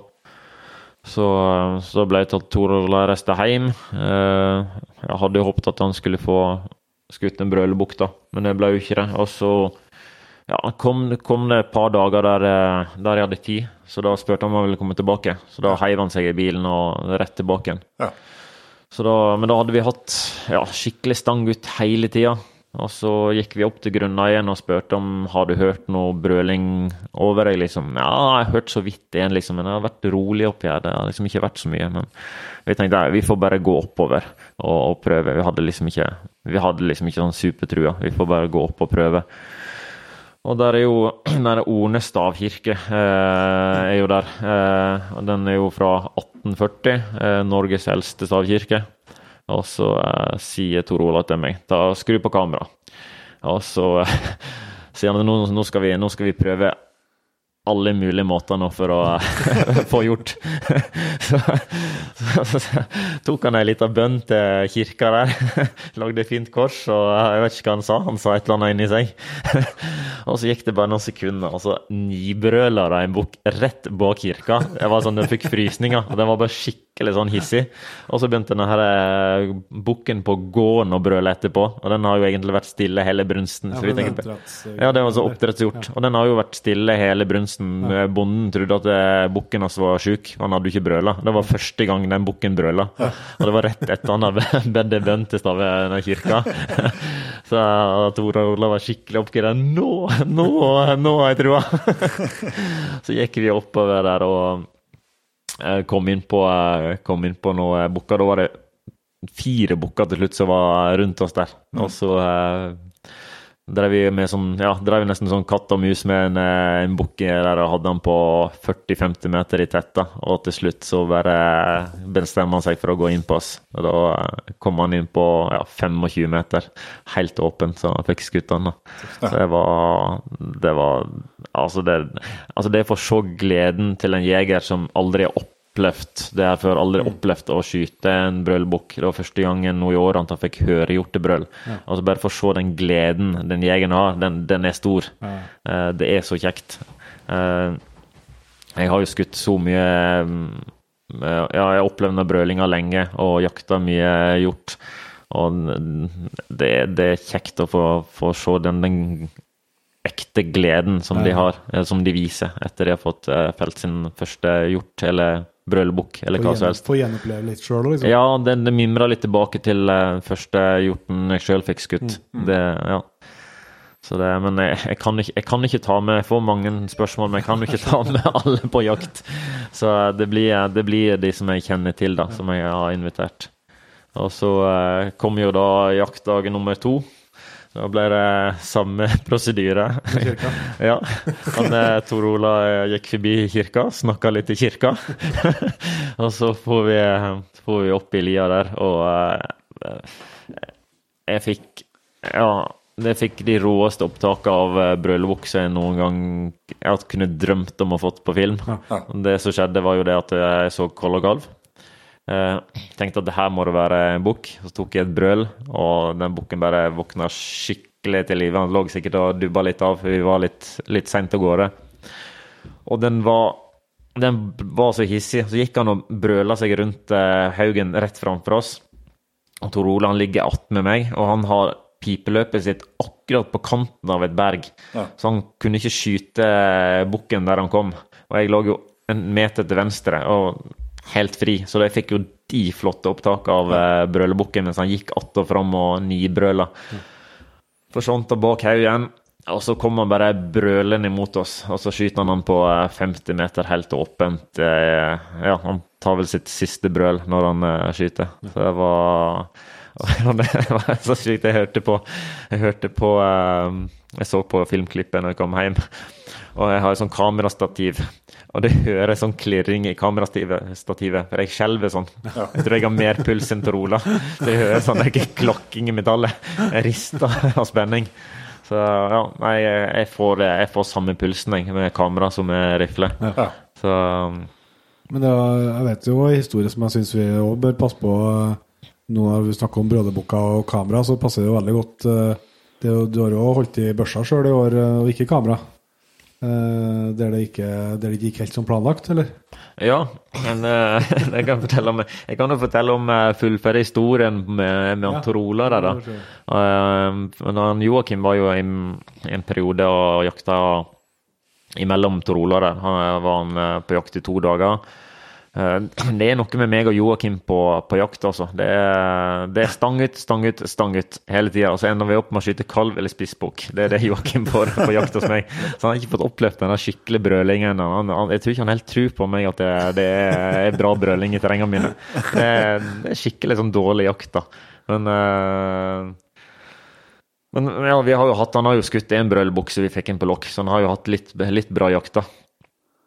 Men eh, det var sånn, da hadde han fått sett på seg klippene til Tor Ola da han uh, ber litt i den kirka. Så eh, skulle jo da Joakim gjøre akkurat det samme som Tor Ola, da. Så går vi forbi kirka der, og så eh, sier han et eller annet til kirka. Og så eh, snur han seg til kameraet og sier det nå. Nå, nå, nå blir det bra jakt på oss, og jeg skal gjøre akkurat det samme som Tor Ola. Og så bryter han ut vet jeg, Å, helvete, jeg magas glemte magasinet mitt.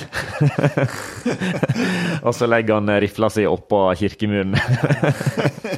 Det er et problem. Det, det byr på problem. Jeg tror vi aldri har hatt mer dårlig jakt noen ganger. Vi tråkka vel på alle kvistene som fantes i terrenget, og uansett hvor vi snudde oss, så hadde vi noe vind. Så det, er- det, Men den stavkirke, kirke, det er et eller annet. Det er noe spesielt med den. Det må ta litt seriøst. Ja, det, det er ikke noe kødde med den kirka der, altså. så ja. Nei, så Ja, det var jo første eh, Jeg filma jo mange jegere nå i høst, og så hadde jeg lyst til å prøve på én brølebukk sjøl, da. Eh, og kanskje få uh, med jegerjakt på film. Så da eh, hadde jeg med meg eh, kameramann. Og så uh, sneik vi oss opp i lia der, og da var det jo Det var skikkelig bra uh, brølaktivitet satte vi oss ned på en fin, åpen plass. Og det brøla det fire bukker rundt oss. Og så var det en bukk som var på en 150 meter opp til høyre for oss. Og fikk god brølekontakt med den. Og så det gikk ikke lang tid, så hører vi at det begynner å knekke i kvister over oss. Og der ser jeg bukken eh, komme gående nedover. Snur jeg meg til kameramann, og så bare har han, har han. Ja, ja, ja, har han, har han, har han. Og tenkte jeg ja, det her blir rått på film. Så kommer bukken gående nedover, helt åpent. Tenkte det her blir tidenes filmklipp. og bare venta. Venta til han har fått flotte opptak av bukken og går nedover. Så kommer han på 40 meter. Brøler etter bukken, stopper fint opp med breisida. Får en boksmell og rett ned. Og opp og jubla og så glad, liksom. Bare yes! Dritrått. Jeg var så glad. Jeg var, jeg var skikkelig glad. Det var sånn, ja, nesten sånn førstegangsjeger igjen. Og så bare ser jeg bort på kameramannen, og så bare ser han henge litt med fjeset. Og så bare Det har skjedd et eller annet her. Uh, ser vi på opptaket. Da har han to sekunder filmopptak. Herregud. Så han eh, dobbeltklikka på rekord. Så da var det sånn ifra fra å ha topp stemning, så var det rett i kjelleren etterpå. Så det er noe med det der når du liksom du er ute for å få uh, jakt på film, da. Og så skjer noe sånt. Uh, Sjøl så skulle jeg vært veldig happy for uh, å få felle en sånn flott uh, brølebukk, og det var en kjempespennende situasjon. Men eh, det liksom når du er ute for å få jakt på film, da, og når det skjer noe sånt, da er det liksom eh, Ja. Jeg skjønner at, jeg skjønner at det svir litt, ja. Ja, ja, det er det. Men Det eh, enda mer. jeg måtte jo bare si til kameramannen etterpå at jeg, jeg har gjort det sjøl i høst. Eh, og det var jo faktisk det siste vi- Jeg sa til han i bilen at det, sist jeg var på jakt, så uh, dobbeltklikka jeg på rekorden. eh, Veldig ømfintlig, den rekorden, så uh, bare sjekk at det står rekord. så skjer det igjen. Så men uh, vi har fått, fått masse bra jakt på film i høst. Uh, mer enn jeg kunne håpe på. Ja. Så um, det var tung start i høst, men det løsna veldig på, veldig på slutten. Så um, har, har egentlig filmopptak nå til en hel Brølebukken 3. Og opptaket jeg har fått nå, er egentlig bedre enn de jeg har fått før. Men nå blir det jo um, Nå blir det en ny satsing for meg nå. Jeg eh, har jo ikke hatt catering nå pga. koronaen, så jeg måtte jo begynne å omstille meg eh, litt. Og så har jeg en, hatt en eh, Jeg har jo hatt en drøm om å starte en viltmatkanal. Ja. Og jeg fikk jo tak i en, en god fotograf og en til å filme med på det her konseptet. Så nå har vi jo spilt inn veldig mye forskjellige viltretter. Ja. Så det blir en egen Nå blir det da en jakt- og viltmatkanal. Der jegere eller de som er glad i mat, kan få lov til å lære hvordan de skal lage eh, mye forskjellige viltretter. Eh, sanking av sopp, eh, ville vekster, eh, tilberedning av sjømat, fiske, alt. Men nå går vi grundig inn i det, sånn at eh, vi går i vi går inn i, eh, i oppskriftene alt ifra, ja, ifra start til slutt, sånn at de rettene vi lager, de skal de som ser på, klarer å lage etterpå. Ja. Det blir ikke sånn Så det, det, blir, ikke, det blir ikke sånn underholdnings-TV. Det blir som ei live ko kokebok. digital Så, kokebok. ja, det blir det. Tøft. Det blir spennende, da. Og så blir det da eh, jakta som eh, bonus, da. Eh, nå har jeg, hatt, jeg har jo hatt så mye fri nå, Ja. så jeg har jo hatt tid til å være veldig mye ute. Så jeg har filma ja, veldig mye reinsjakt og hjortejakt, rådejakt. Og så eh, får vi se om det blir litt eh, toppjakt på tiur og sånt på vinteren. Kanskje litt harejakt. Så ja, mulighetene er jo eh, store. Men eh, jeg har jo ikke noe valg. Nå er, det ingen bestillinger, så jeg må jo bare kjøre på. Men det her, er jo, det her har jo vært en drøm lenge. Ja. Og jeg gleder jo meg til å ha slippe denne kanalen her eh, rett over jul. Ja, Så- jeg, jeg bare sitter jeg gleder, gleder meg skikkelig til det kommer, både for at uh, nå har jeg fått smakt på maten noen dager, så jeg, skjønner at jeg, du har ståltrua? Ja, det kan jeg trygt, si. Og så, så er det jo mye i den sfæren der på et vis eh, med ja, å ta vare på råvarene som vi besitter, vi som er glad i å være ute eh, på en god måte. og Det er mye sånn eh, som man virkelig har I hvert fall jeg har veldig godt av å kunne ha lært meg litt eh, bedre enn jeg kan i dag, i hvert fall. Så det er mye læring der. Ja, så tenker jeg altså, Nå har vi sittet her og drukket litt øl og sett på at Joar har tilberedt eh, to, to middager nå. Eh, og bare, bare det vi har lært de to kveldene nå, Ja, ja, ja. det er jo bare starten i forhold til den kanalen, da. Jeg ser dere jobber ganske hardt, da. Det jakta Og så er det rett inn på kjøkkenet her og film og Dere, dere bruker noen dagene, ser jeg. Ja, det kan hende jeg tar meg eh, noen timer på, eh, ekstra på midt på dagen på sofaen nå etter de har reist. Så eh, det går ikke, det går ikke døgnet rundt sånn hele tida her, altså. det er bra. Det- er bra. Men hvordan- hva er planen der, da? Er det når og, når og hvor og hvordan skal jeg si, med kanalen? Uh, nå har vi jo veldig mye filmmateriale som vi må få redigere. Uh, nå vil jeg bare utnytte høsten og få mest mulig filmopptak. Filmopptaket, og så eh, blir det da eh, skikkelig innsats eh, rett før jul. Og så få redigere og ha ut kanalen. Uh, Sida er klar, så det er bare for å redigere og ha ut. Vi har spilt inn veldig mye viltmat. eh, og sjømat og fiskeretter. Så eh, det gjenstår bare å få redigert det, og så ha det ut på, på den sida. Da blir det ja, sånn samme konsept som de har. og Det, det er en femtilapp i måneden. Ja.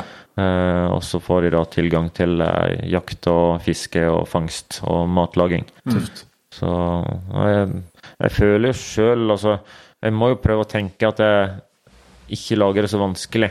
Eh, alle skal klare å lage de rettene. Det er det konseptet går ut på. Ja. Eh, matlaging er egentlig ikke så vanskelig, eh, så lenge en veit når en, hva en skal starte med, og hva en skal avslutte med. Så jeg sjøl er ikke noe særlig fan av eh, oppskriftsbøker. Jeg syns det er vanskelig å forstå prosessen når jeg leser ei oppskrift til en kokk. Men hvis jeg ser en kokk lage en rett, så er det mye lettere å få lage det sjøl etterpå. Ja, når folk kan se, se hele prosessen, ja. Ja, så er det jo, er det jo mange jegere som kanskje står fast med den samme gryta hele tida. At de har lyst til å prøve noe nytt. Og matlaging, det er så stort. Det er så mye forskjellig du kan lage. ja. Ja, det er jo helt utømmelig. Ja, det, det er det. Men hva Hvis du, hvis du tar litt over år på det, da, så eh, Vi fikk jo eh, se deg i aksjon i felten i går eh, med, med slakting og, og partering eh, der. Men eh, dere vet jeg har sett litt hva du har gjort for dere vet jeg at du er, veldig, veldig god på. Eh, da er jo, når vi har sjansen, så må vi jo nøtte på. Det, hva, hva tror du, hvis vi starter der, da, hva tror du vi som meg og Ninja, som er litt sånn halvklabbete, hva tror du ofte at vi gjør eh, feil, liksom, fra, måte fra skuddet har gått til vi skal sørge for at dette blir så bra som mulig på tallerkenen i sluttenden? Nå har jeg driver og skjærer ned en del vilt for andre jegere. Og det som jeg ser som har av og til ødelagt viltet, hvis de ikke får det nedskjært av meg, så er det for at de har hatt um, møna hjorten når det har vært for eller viltet når det har vært for fuktig. Og det er, jo det, vet, det er jo en utfordring. Hvis det er veldig mye regn ute, eh, så er ikke det sikkert du får eh, tørre nok slakt. Nei. Eh, fuktighet er det verste på, eh, på slaktet under møringen. Da vil det fort surne. Du må få ei fin tørke inne på det, skal du klare å få mørna det eh, lenge nok til at det blir bra kvalitet på det. Så det, Så det er riktigere med pass på fuktigheten enn temperaturen, liksom. det er faktisk det. Ja. Så um, jeg må prøve kanskje å ha på Jeg pleier å bare sette, ha noen store vifter som jeg setter på som blåser mot uh, kjøttet. Eh, er det veldig tett rom, så kanskje du kan ha på en avfukter. Ja. Men så må en passe på at det ikke blir tørt heller. Det skal ikke spekes. Nei. Og da må du spikke av veldig mye av det eksklusive kjøttet. Så det skal ikke bli for tørt heller. Eh, og så er det jo temperaturen. Eh, første døgnet eh, så bør ikke slakte være under 12 grader for å få den beste eh, starten på mø mørningen. Det er jo eh, mjølkesyrebakterier som, eh, som blir danna i kjøttet eh, som eter opp altså enzymet eh, i kjøttet. Sånn det, så det, blir, det bryter ned det bindevevet. Det er det som gjør at kjøttet blir mørt. Så du vil ha, du vil ha rikelig av disse her melkesyrebakteriene. Ja. Eh, Du sa det var bindestoffet, så vil si at hvis du kjøtt du ønsker å bruke f.eks. til at er kjøttkake og sånt, så bør det ikke mørne så hardt, da. Nei, eh, hvis du skal lage spekepølse, kjøttkake, karbonade, så får du eh, beste resultatet ved å, å ikke mørne det. Eh, så da er det Hvis du ikke har tid å kverne det, Hvis du utsetter parteringen din for å ikke drive tid å drive med kverninga, så er det bedre å skjære av alt du skal ha til malekjøttet, bare fryse det. Tine det opp og kverne det, og så lage farsprodukter ut av det. Eh, for det er jo det samme om du eh, må utsette parteringen, og så kverner du det. Så må du allikevel tine det opp igjen når du skal lage spekepølsene eller kjøttkakene. Ja. Så da kan du liksom bare spikke alt av, fryse det sånn som det er, og så tiner du det opp, kverner det og lager produktet ditt med en gang. Det er mye bedre. Eh, men når du fryser kjøtt, så vil du òg ødelegge litt av bindestoffet. Men når møner det for lenge, så ødelegger du alt. Da får du veldig løs spekepølse, løse, tørre kjøttkaker. Um, det liksom det bindestoffet som er i, i kjøttkakene, eh, det gjør at det er bitte mer væske inn i, eh, i produktet. Og det, ja, det blir mer spenstige kjøttkaker. Og så er det Hvis du lager spekepølse av møna kjøtt, så blir det veldig løst. Det er, det er ikke noe særlig godt. Du får ikke den her eh, sognемår, eh, strandamår-følelsen på konsistensen på spekepølsa. Um, kjøtt som ikke har vært fryst, er det aller, aller beste. Det har kjempemye bindemiddel i seg. Da kan du faktisk gå ned litt på mengda på potetmel òg, for at det er såpass mye bindemiddel i det. Ja. Så ja. Det er, sånt visste ikke jeg, for eksempel. Nei, nei, nei. Det, Så, så er det med å være. det var jo noe annet. Ja, vi har jo lært, lært masse av det i år. Men du sa jo her òg at var Altså, du får jo veldig mye spørsmål ifra, ifra den som følger deg, eller noe sånt, altså om, om, om. Og, ja. Det er, det, det, er jo spesielt mye på det der med mørninga. Og første døgnet da, så bør en ha kanskje 12 grader og få rolig nedkjøling og slakte. Og så bør du mørne videre på en 4-6 grader. Det er ideelt. Eh, og så Jeg liker å skjære ned slakta mine etter tre til fire dager. Da har eh, slaktet fått sluppet litt fuktighet, og da liker jeg også å skjære ned. Jeg har det i eh, vakuumpose, vakuumerer det, og så ettermørner jeg i vakuum. Da blir det like bra. Hvis jeg hadde tatt og skåret ned slaktet da dagen etter jeg hadde skutt det, så er det veldig mye fuktighet i slaktet. Da blir det, Hvis du da steiker en biff, da, så får du veldig sånn så, så, Alle har vel laget til eh, stekt hjortehjerte rett ifra jakta. Det er veldig sånn svampete konsistens. Det er jo godt, men det blir veldig sånn svampete kjøtt. Og det får du da hvis du hyver i vakuumpose med en gang, for da får ikke det sluppet ut den der fuktigheten. Så jeg, jeg syns det er best å få la slaktet henge tørt tre til fire dager, få sluppet passelig med fuktighet. Eh, skjære ned og mer og ettermøner i vakuum. Da klarer du å møne kjøttet lenge nok til at det skal bli eh, mørt og godt. Bukk og ja, voksne bukker, voksne koller trenger lengre mørningstid. Eh, Bukk kan du faktisk møne opp til 80-90 døgngrader før, ja, før det blir bra. En kolle på 70. Ungkoll eh, 50. kalvt går jeg helt ned på 40. Ja. Det er så mørkt. Men kan det Altså, hvis du har fine forhold til å mørne det, altså kontrollert eh, Blir det enda bedre på en bukk hvis du har tatt eh, 120? Altså, eller sånn at På et eller annet tidspunkt surner det og blir dårlig, men eh, men sånn helt opp til helt, liksom Blir det bedre og bedre helt opp til den grensa at det er dårlig? Ja, til slutt så vil det surne. Eh, men det kommer an på hvor mye eh, Det som surner, er jo mest blodet. Ja. Eh, har du skutt eh, nakkeskudd, eh, hodeskudd eh, Det er ikke noe jeg anbefaler uansett, men si at du har skutt i nakke, rygg eller hode, så vil jo ikke slaktet blø ut. Da er det fortsatt mye blod inne i eh, kjøttstykkene, i blodårene, og det vil surne fort. Så, eh, slakt som er blitt skutt eh, der, eh, det klarer du sjelden møne mer enn til 50-60 døgngrader før det surner. Har du fått skutt eh, fint bogskudd, det har fått blødd skikkelig godt ut, så kan du da møne lenge. Men eh, det kommer an på ja, det kommer jo an på slaktehygiene. Det skal ikke mye til før at det blir surt hvis du møner det veldig lenge. Så da må det være renslig hele veien. Det går, det går fint å møne til 120 døgngrader, men uh, jeg vil ikke anbefale det, for det, det er litt Du kan være- risiko. Du kan Ja. være uheldig, ja. Altså, Ja, ja. Men uh, 80-90 døgngrader bør alle klare å møne det til, uh, hvis du gjør det etter boka. da. Ja. Men så steiketid, da. Det er jo et annet tema som diskuteres. Ja, jeg skal, for, jeg skal, det er jo, du, sa jo du har fått noen forespørsler om det med muggprikker på Ja. Ja, det er en del som spør meg eh, om å disse muggprikkene som kan komme på slaktet hvis du henger det lenge. Eh, si at eh, du har fått fin tørkehinne på slaktet, eh, men så er det kanskje litt fuktig vær igjen. Og så får du noen sånne myggprikker på, på kjøttet.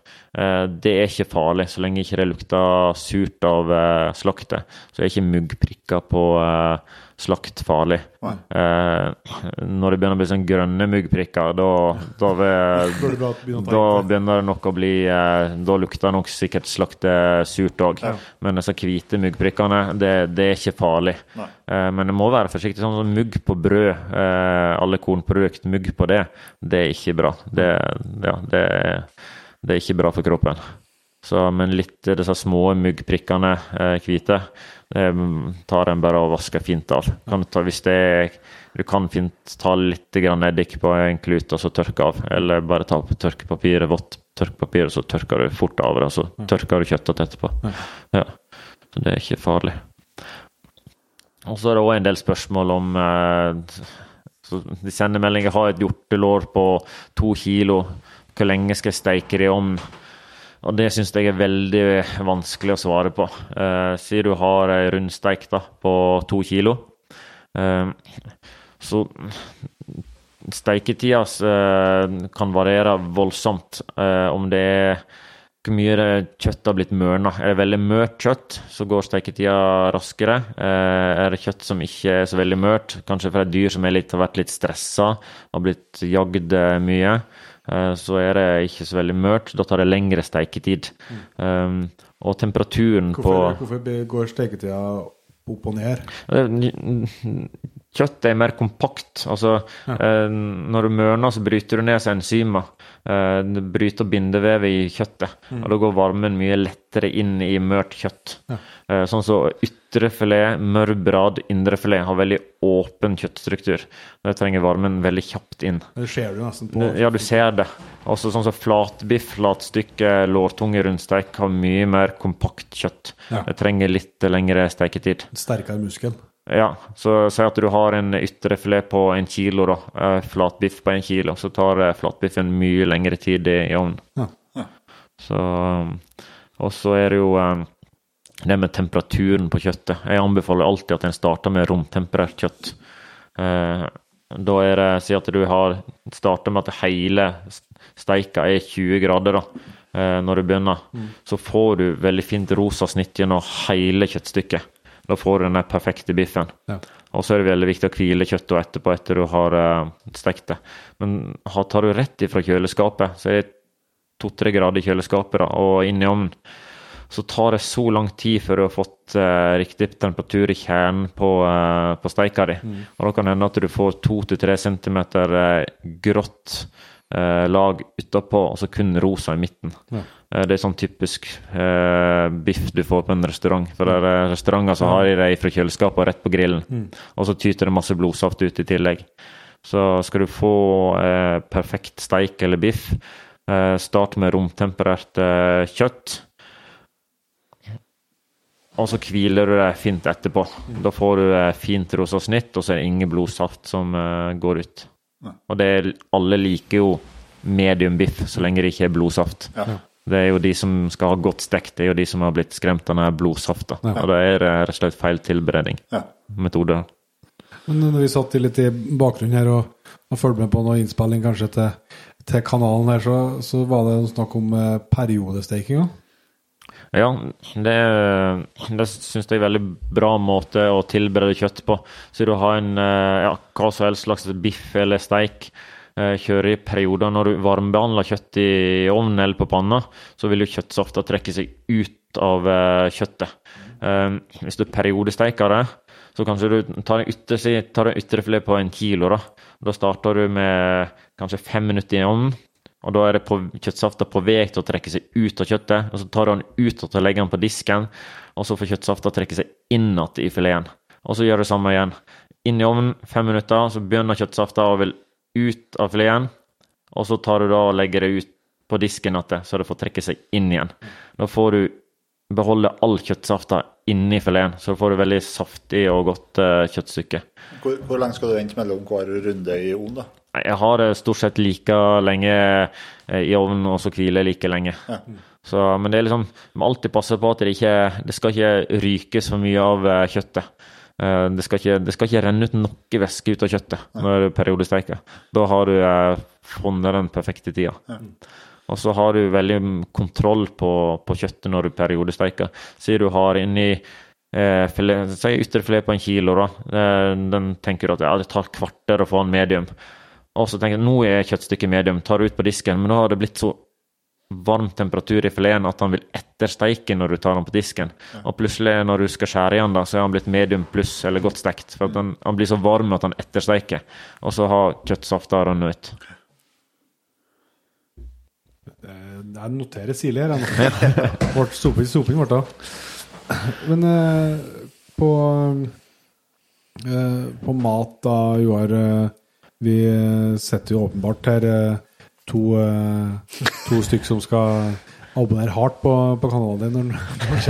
Men før, før den tid, da, nå er det jo etter hvert der høysesong med både Kanskje litt Det er jo ikke litt begrensa for eh, førjulsselskapene og juleselskapene i år, selvsagt før, men eh, man skal jo, kan jo unne seg noe god mat for dem. har du noe Vi må ha litt kule tips og, og dele her til Kanskje en ny, ny variant eller eh, noe kult tilbehør eller et eller annet. Ja, kanskje Ja, du likte jo gryta i dag, bra, ikke det? Jeg lover det. Ja, den lagde jeg på ti minutter. Det irriterer Kvarter. Ja, hvordan gjorde du det? Eh, Da, da var det ja, det sukkererter, eh, løk, sopp, litt paprika. Um, hva mer hadde jeg? Um, ja, og så hadde jeg ytrefileten eh, til uh, bukken til Magnus. Ja.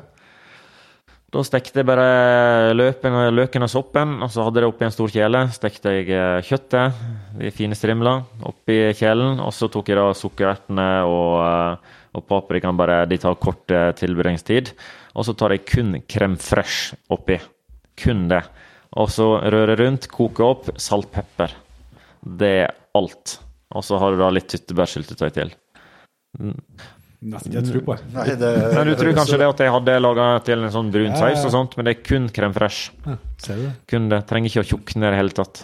Så det, den gryta lager jeg veldig mye ute. Hvis jeg skal på jakt og har noen venner på besøk, så tar jeg med alle ingrediensene ferdig oppakka.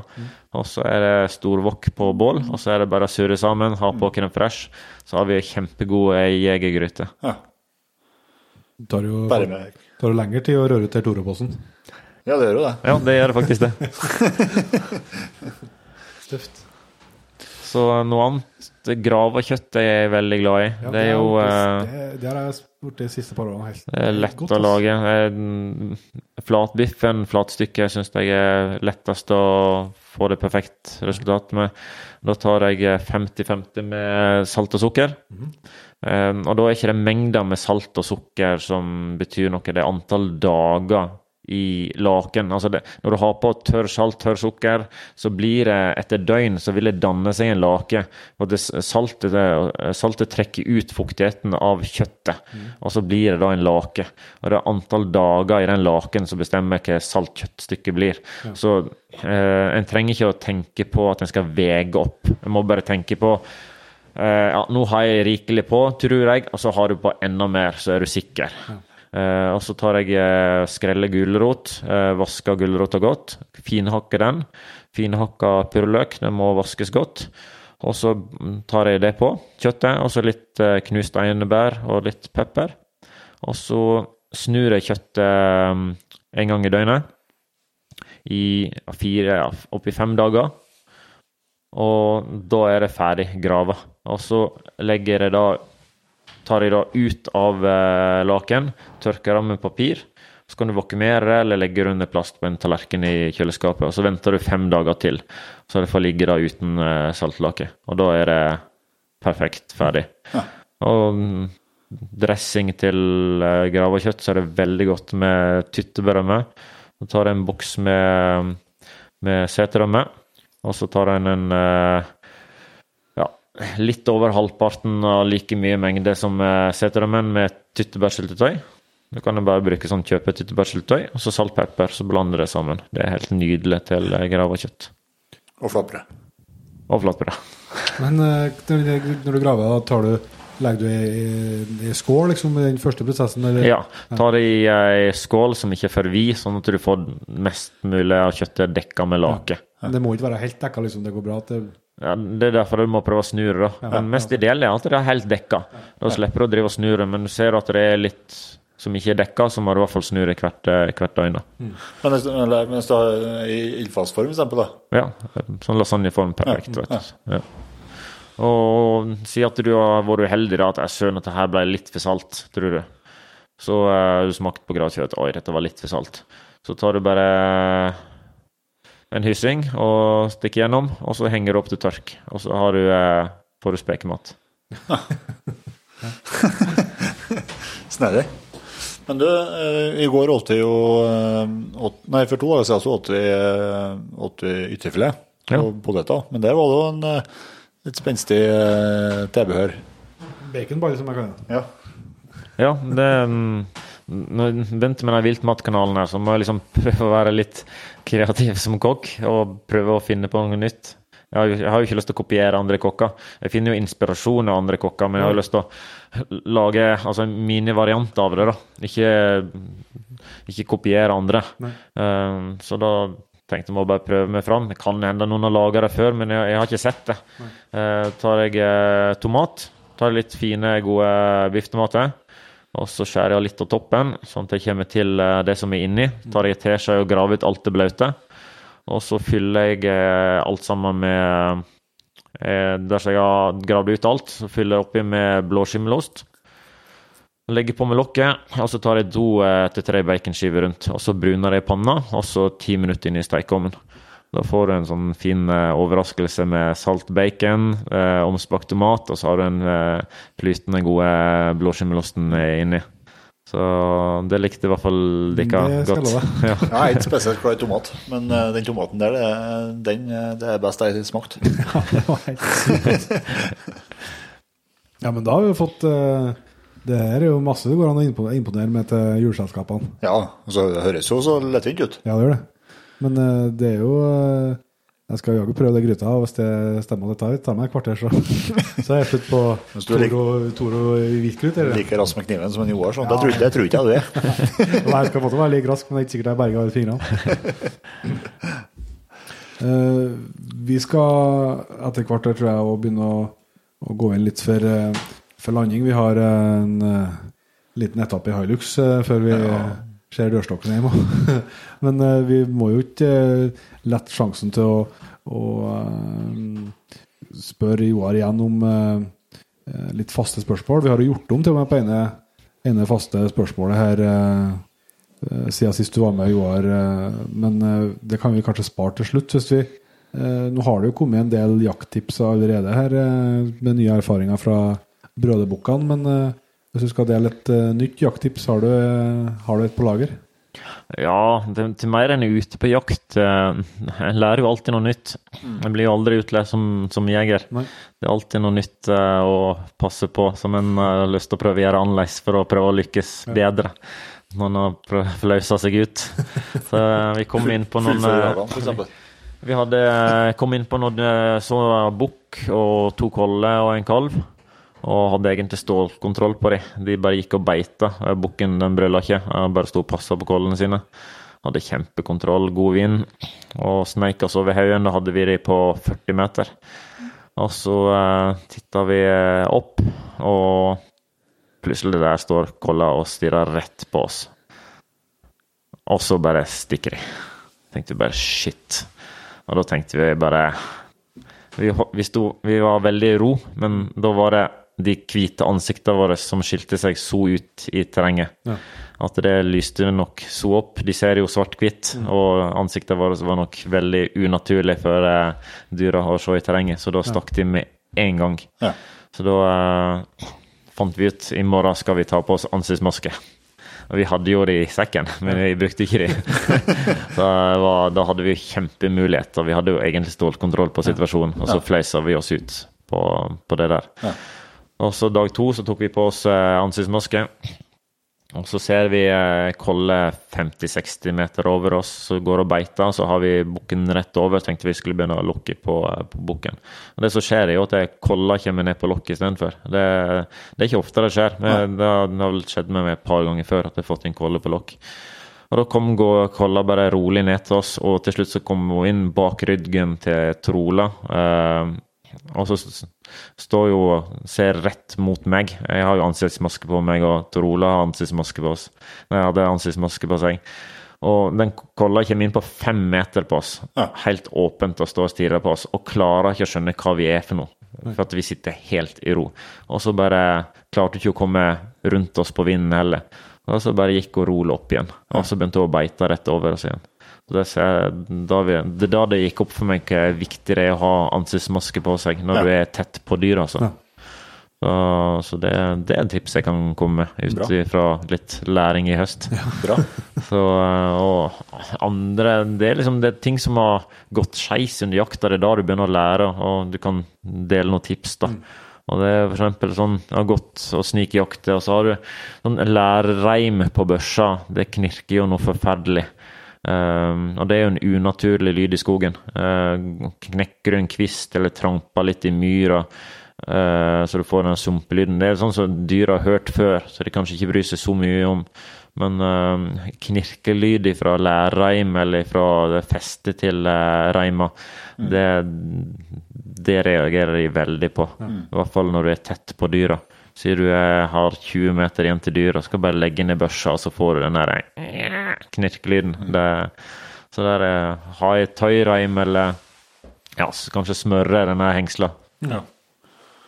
Det gjelder jo både på brøljakt og på, og på snikjakt. Ja, det gjør det. Og så har jeg brukt sånn vindindikator veldig mye eh, i høst. Og det er jo egentlig bare en boks med pulver som eh, du trykker på, så du får fint støv opp i lufta. Og det er, uansett om det nesten ikke trekk, så ser du du ser vindretningen eh, med en gang, selv om det er nesten ikke noe trekk i lufta, så, så ser du det tydelig. Uh, hvor du kan gå sniken, hva slags retning. Så den, den er så lettvint. Tenner du fyrstikk, så vil jo dyra høre det.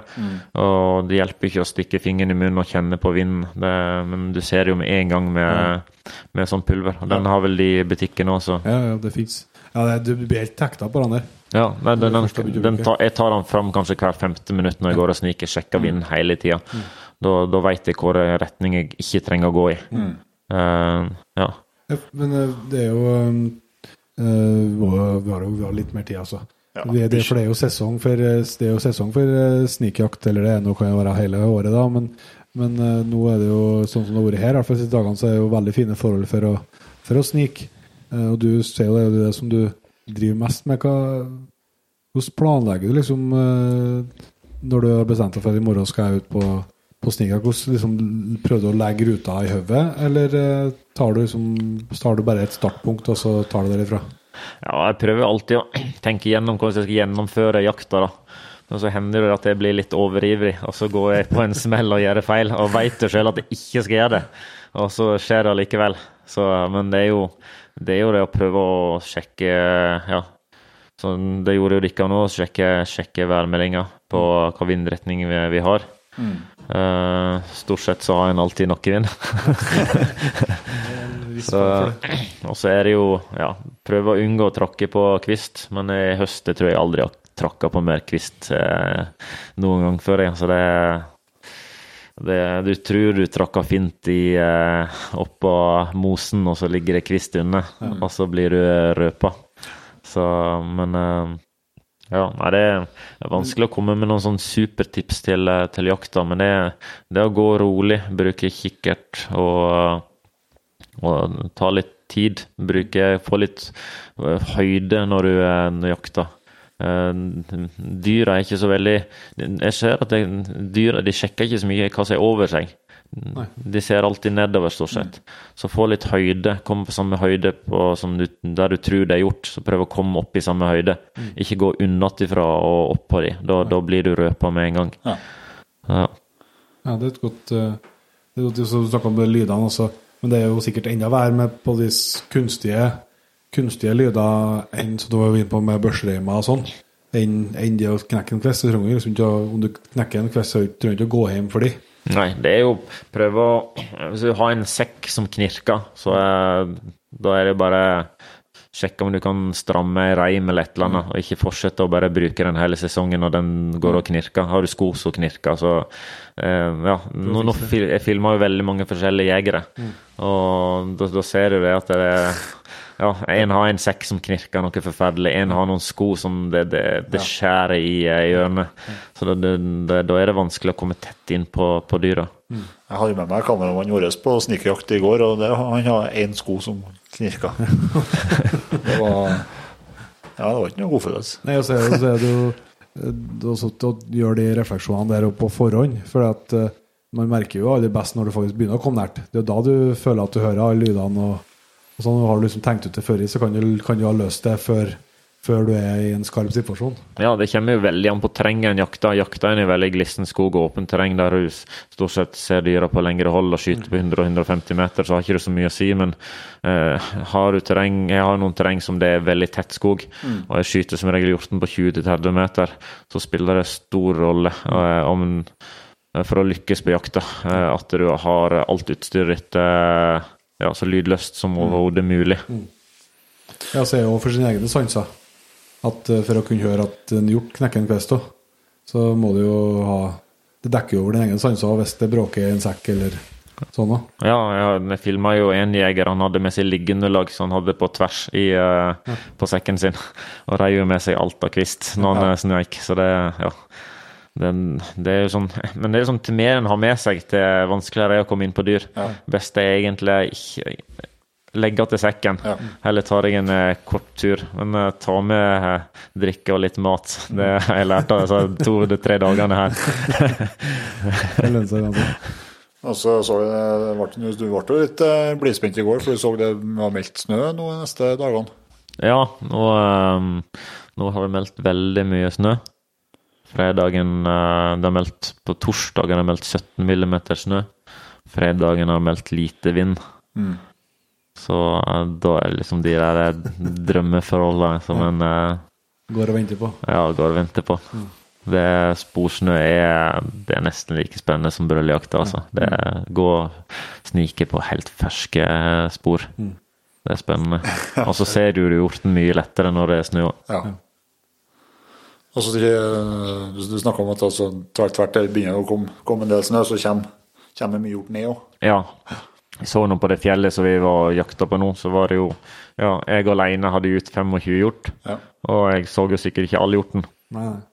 Så jeg kan tenke når alt det der skal ned, så er det, det er bra med tett med hjort da, altså. Kanskje vi må Kanskje, kanskje ikke bilen starter i dag. Nei, de må bare Kanskje, kanskje, De er kanskje hjertelig- alle fjellovergangene er stengt.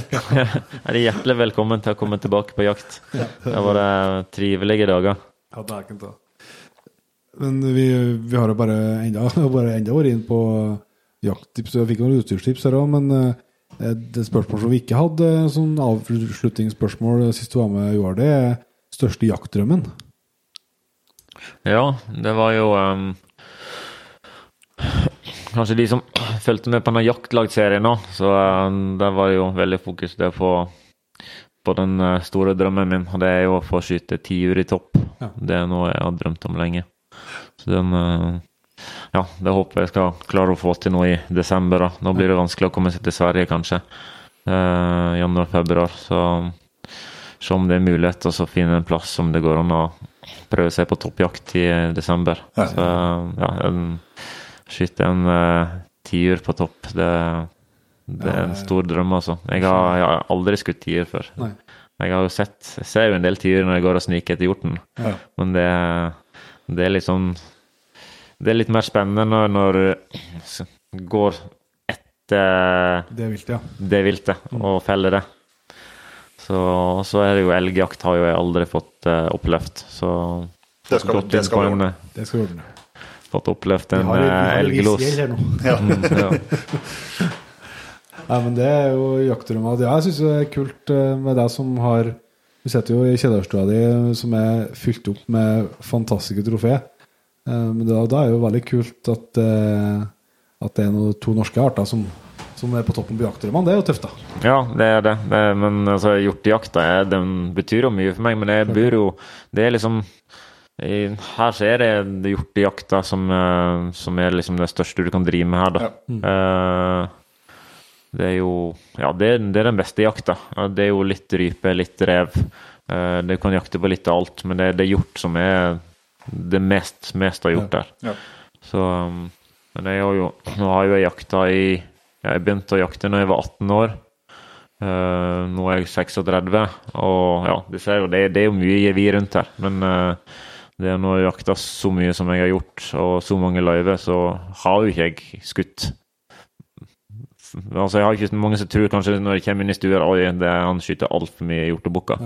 Men uh, når du ser på antall dyr jeg har felt, og hvor mange år jeg har jakta, så er ikke det så stor andel uh, felte hjortebukker Nei. i forhold til uh, smådyr. Nei. Skyter jo mest uh, ungkolle og spissbukker og Mm. kalver. Klart det.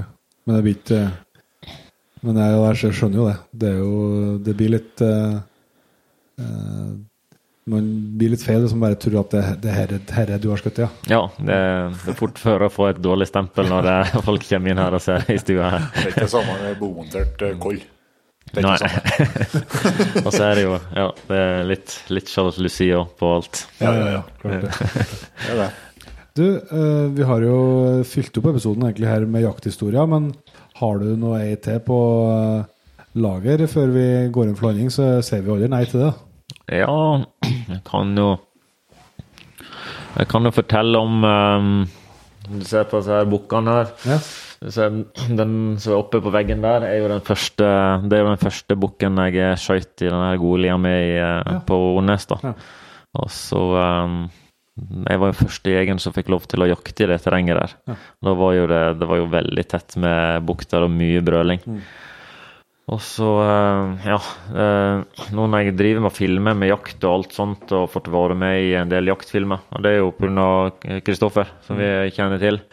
Og eh, han Når jeg var Gammel var jeg da? Eh, jeg var vel ja, 24 år eller noe sånt, da han eh, ringte meg for første gang og hadde hørt rykter om at jeg hadde et bra brøljaktterreng. Og eh, han hadde lyst til å komme og så eh, filme meg på hjortejakt. Og da var jo jeg eh, Jeg var jo på vei til eh, en kompis i, i Ski, rett før Askim der. Og det var liksom Det var så stort når han ringte og ville filme meg, da. så vi pratet jo lenge, og ja, jeg glemte jo helt hvor jeg skulle hen. og pratet og pratet og pratet da om, eh, om eh, jakta. Og eh, når jeg la på telefonen, da, så var jeg kommet langt inn i Sverige. så, så det var jo det. Men da, da kom jo han her, da. Og da håpet jeg på at vi skulle jo lykkes, da. Når skulle, den jakta skulle filmes, og ja, jeg var skitnervøs, liksom. Tenk om ikke det er noe brøling. Ja. Så det endte med da at jeg fikk skyte den 13-taggeren eh, på den sida der første dagen. Og det var jo kjempestort.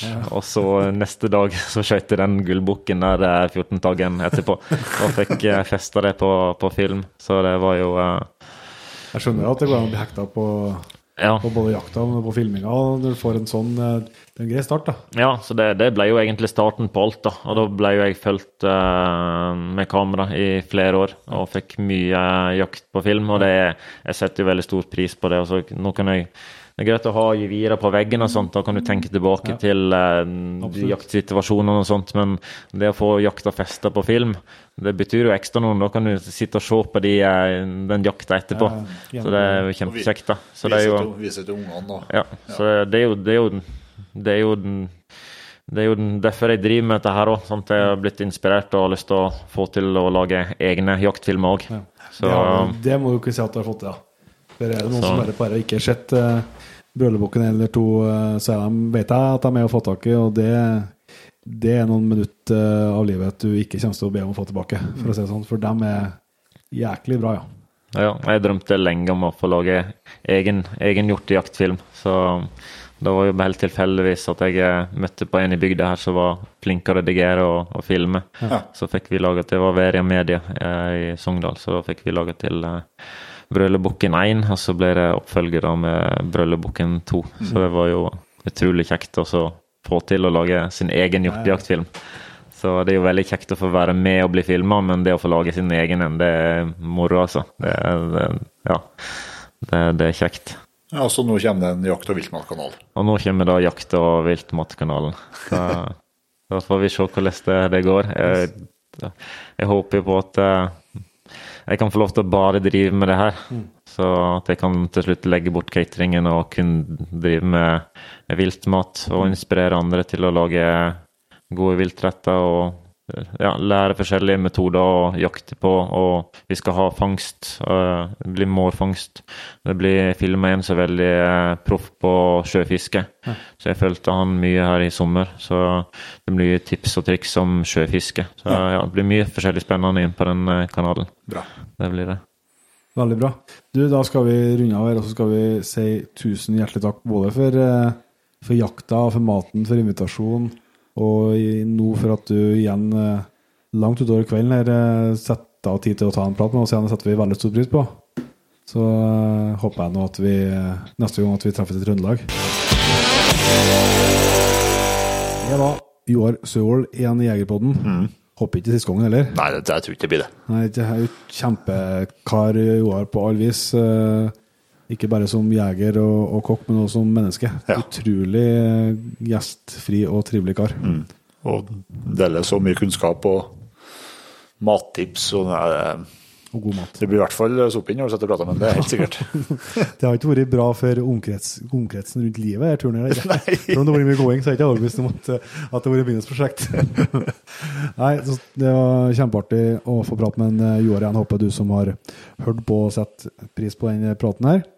Eh, Som vi nevnte så vidt innledningsvis, så eh, var det mange eh, av god grunn som ville høre den nyeste P3-episoden med, med en Jens, og det har resultert i ei fantastisk lang list med nye medlemmer i jaktlaget. Eh, lurer på om det er rekordopplesning, eller så dere må være overbærende med oss om vi bommer på eh, uttalelser på navn. Ja, for det kommer til å skje. ja, det til å skje. Vi skal gjøre vårt beste, og vi skal starte på toppen og si tusen hjertelig takk til Maren Guin, Eivind, Markus Berntsen, Knut Erik Grøslandsbråten, Stian Yttergård, Glenn Stian Sogge, Jan Ar Arne Island, Henning Bøen, Kristoffer Brenne, Hilmar Stjern, Gøran Kroksrud, Sverre Libjå, Sigve, Ole Eskil Dalseng, Astrid Iversen, Peder Heisan, Magnus Børresen, Samuel Johan Repstad, Jon Fredrik Svanevik, Tor Ivar Ytterhus, Magnus Kvitnes, Gjermund Sætre, Jeanette Aarsund, Bendik Herje, Per Stian Storbekk-Rønning, Mats Stavrum, Malene Seberg Åkra, Håvard Skåden, Jørgen Bergli, Eskil Håvin, Erland, Kristoffer Lundberget, Gunnar Søreng, Jakob Øvrevik, Kirsti Øsmo, Mat Mathias Amb, Mathias Fetten Almås, Njal, Hans Hansen, Njål var antagelig, Anna Leiseth, Frank Aglen, Andreas Olsen, Torunn Fjæran, eh, Knut Haugå Kasin, eh, Knut Erik Grøndalsbråten, Håvard Påseth, Ida Røsbjørgen, Truls Hvithusen, Ola Øie, eh, Gøran Ven, Knut Inge Figen, Jørgen Millum Amundsen, Magnus Brøndbo, Petter Reime. Lars Isol Giske Ødegård. Kristian Solsvik Haukenes. Roger Rimol. Mikael Storflor Johnsen. Sander Øvre Haugan. Petter Almås. Trine Helbostad. Lars Tveten. Ingar Meldingen. Stig Murphy Håvaldsrud. Kenneth Rådal Bremseth. Tony Sætermo. Marie Hallarn. Magnus Rotmo. Morten. Hans Erik Engan. Christian Fines. Arne Risan. Glenn Skuterbergsven. Sivert. Stine Berg Aas. Martin Oppgård. Christian Solli. Magnus Engan. Eskil Engdahl Rognes. Martin Lien. Sondre Rolandsen. Reinert Knoff. Sebastian Fadin. Tor Erik Øverkil. Tonje Lynum. Magnus Asp Gjøvik. Mari Krokstad. Narve Smaojen. Robert Moen. Per Ståle Julesaug. Gråhund. Sondre Wold. Ole André Bolstadbråten. Ole. Knut Hellevik Kvale. Øyvind Hundvik Skundberg. Christian Slåen. Sondre. Knut O. Holtet. Ole Herman Stene. Jannike Mathisen. Jon Mikkel Undsgaard. Og Rune Flatås. Helt, helt rått. Ja, jeg blir helt med meg. Vet du. Det, det er nesten eh, det er Tusen hjertelig takk til dere, eh, og selvsagt til alle all, all dere som har vært med oss eh, og tidligere. Det setter vi så enormt stor pris på, og vi håper at vi både gjør og klarer fortsatt med å gjøre dere fornøyd og føle dere får verdi for å være med i P3-jaktlaget. Har du som hører på og lyst til å bli med der og få høre på episoden med Jens og, og alt annet vi har av innhold, så finner du en lenke til en enkel registrering i beskrivelsen av episoden her. Men eh, da tror jeg Inge at vi skal rigge ned både mikrofoner og, og det siste, og komme oss eh, ut i bilen og sette oss eh, der og snu snuten nordover. Ja, det skal vi gjøre nå. Det er noen fjorder og rund her før vi er hjemme. Ja, det er ikke så langt til luftlinjen, men eh, Det er langt rundt. Herlig bra. Vi sier tusen takk for at du var med helt hit, også til neste gang. vi høres.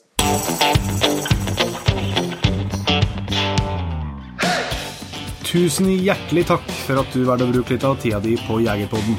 Sjekk ut jegerpodden.no eller eh, din favoritt favorittpodkastspiller for enda mer innhold og flere episoder. Følg også Jegerpodden på Facebook og Instagram, og ikke minst, husk å fortelle alle gode venner, familie og tilfeldige forbipasserende om Jegerpodden, sånn at vi får spredd det glade budskap videre. Vi høres.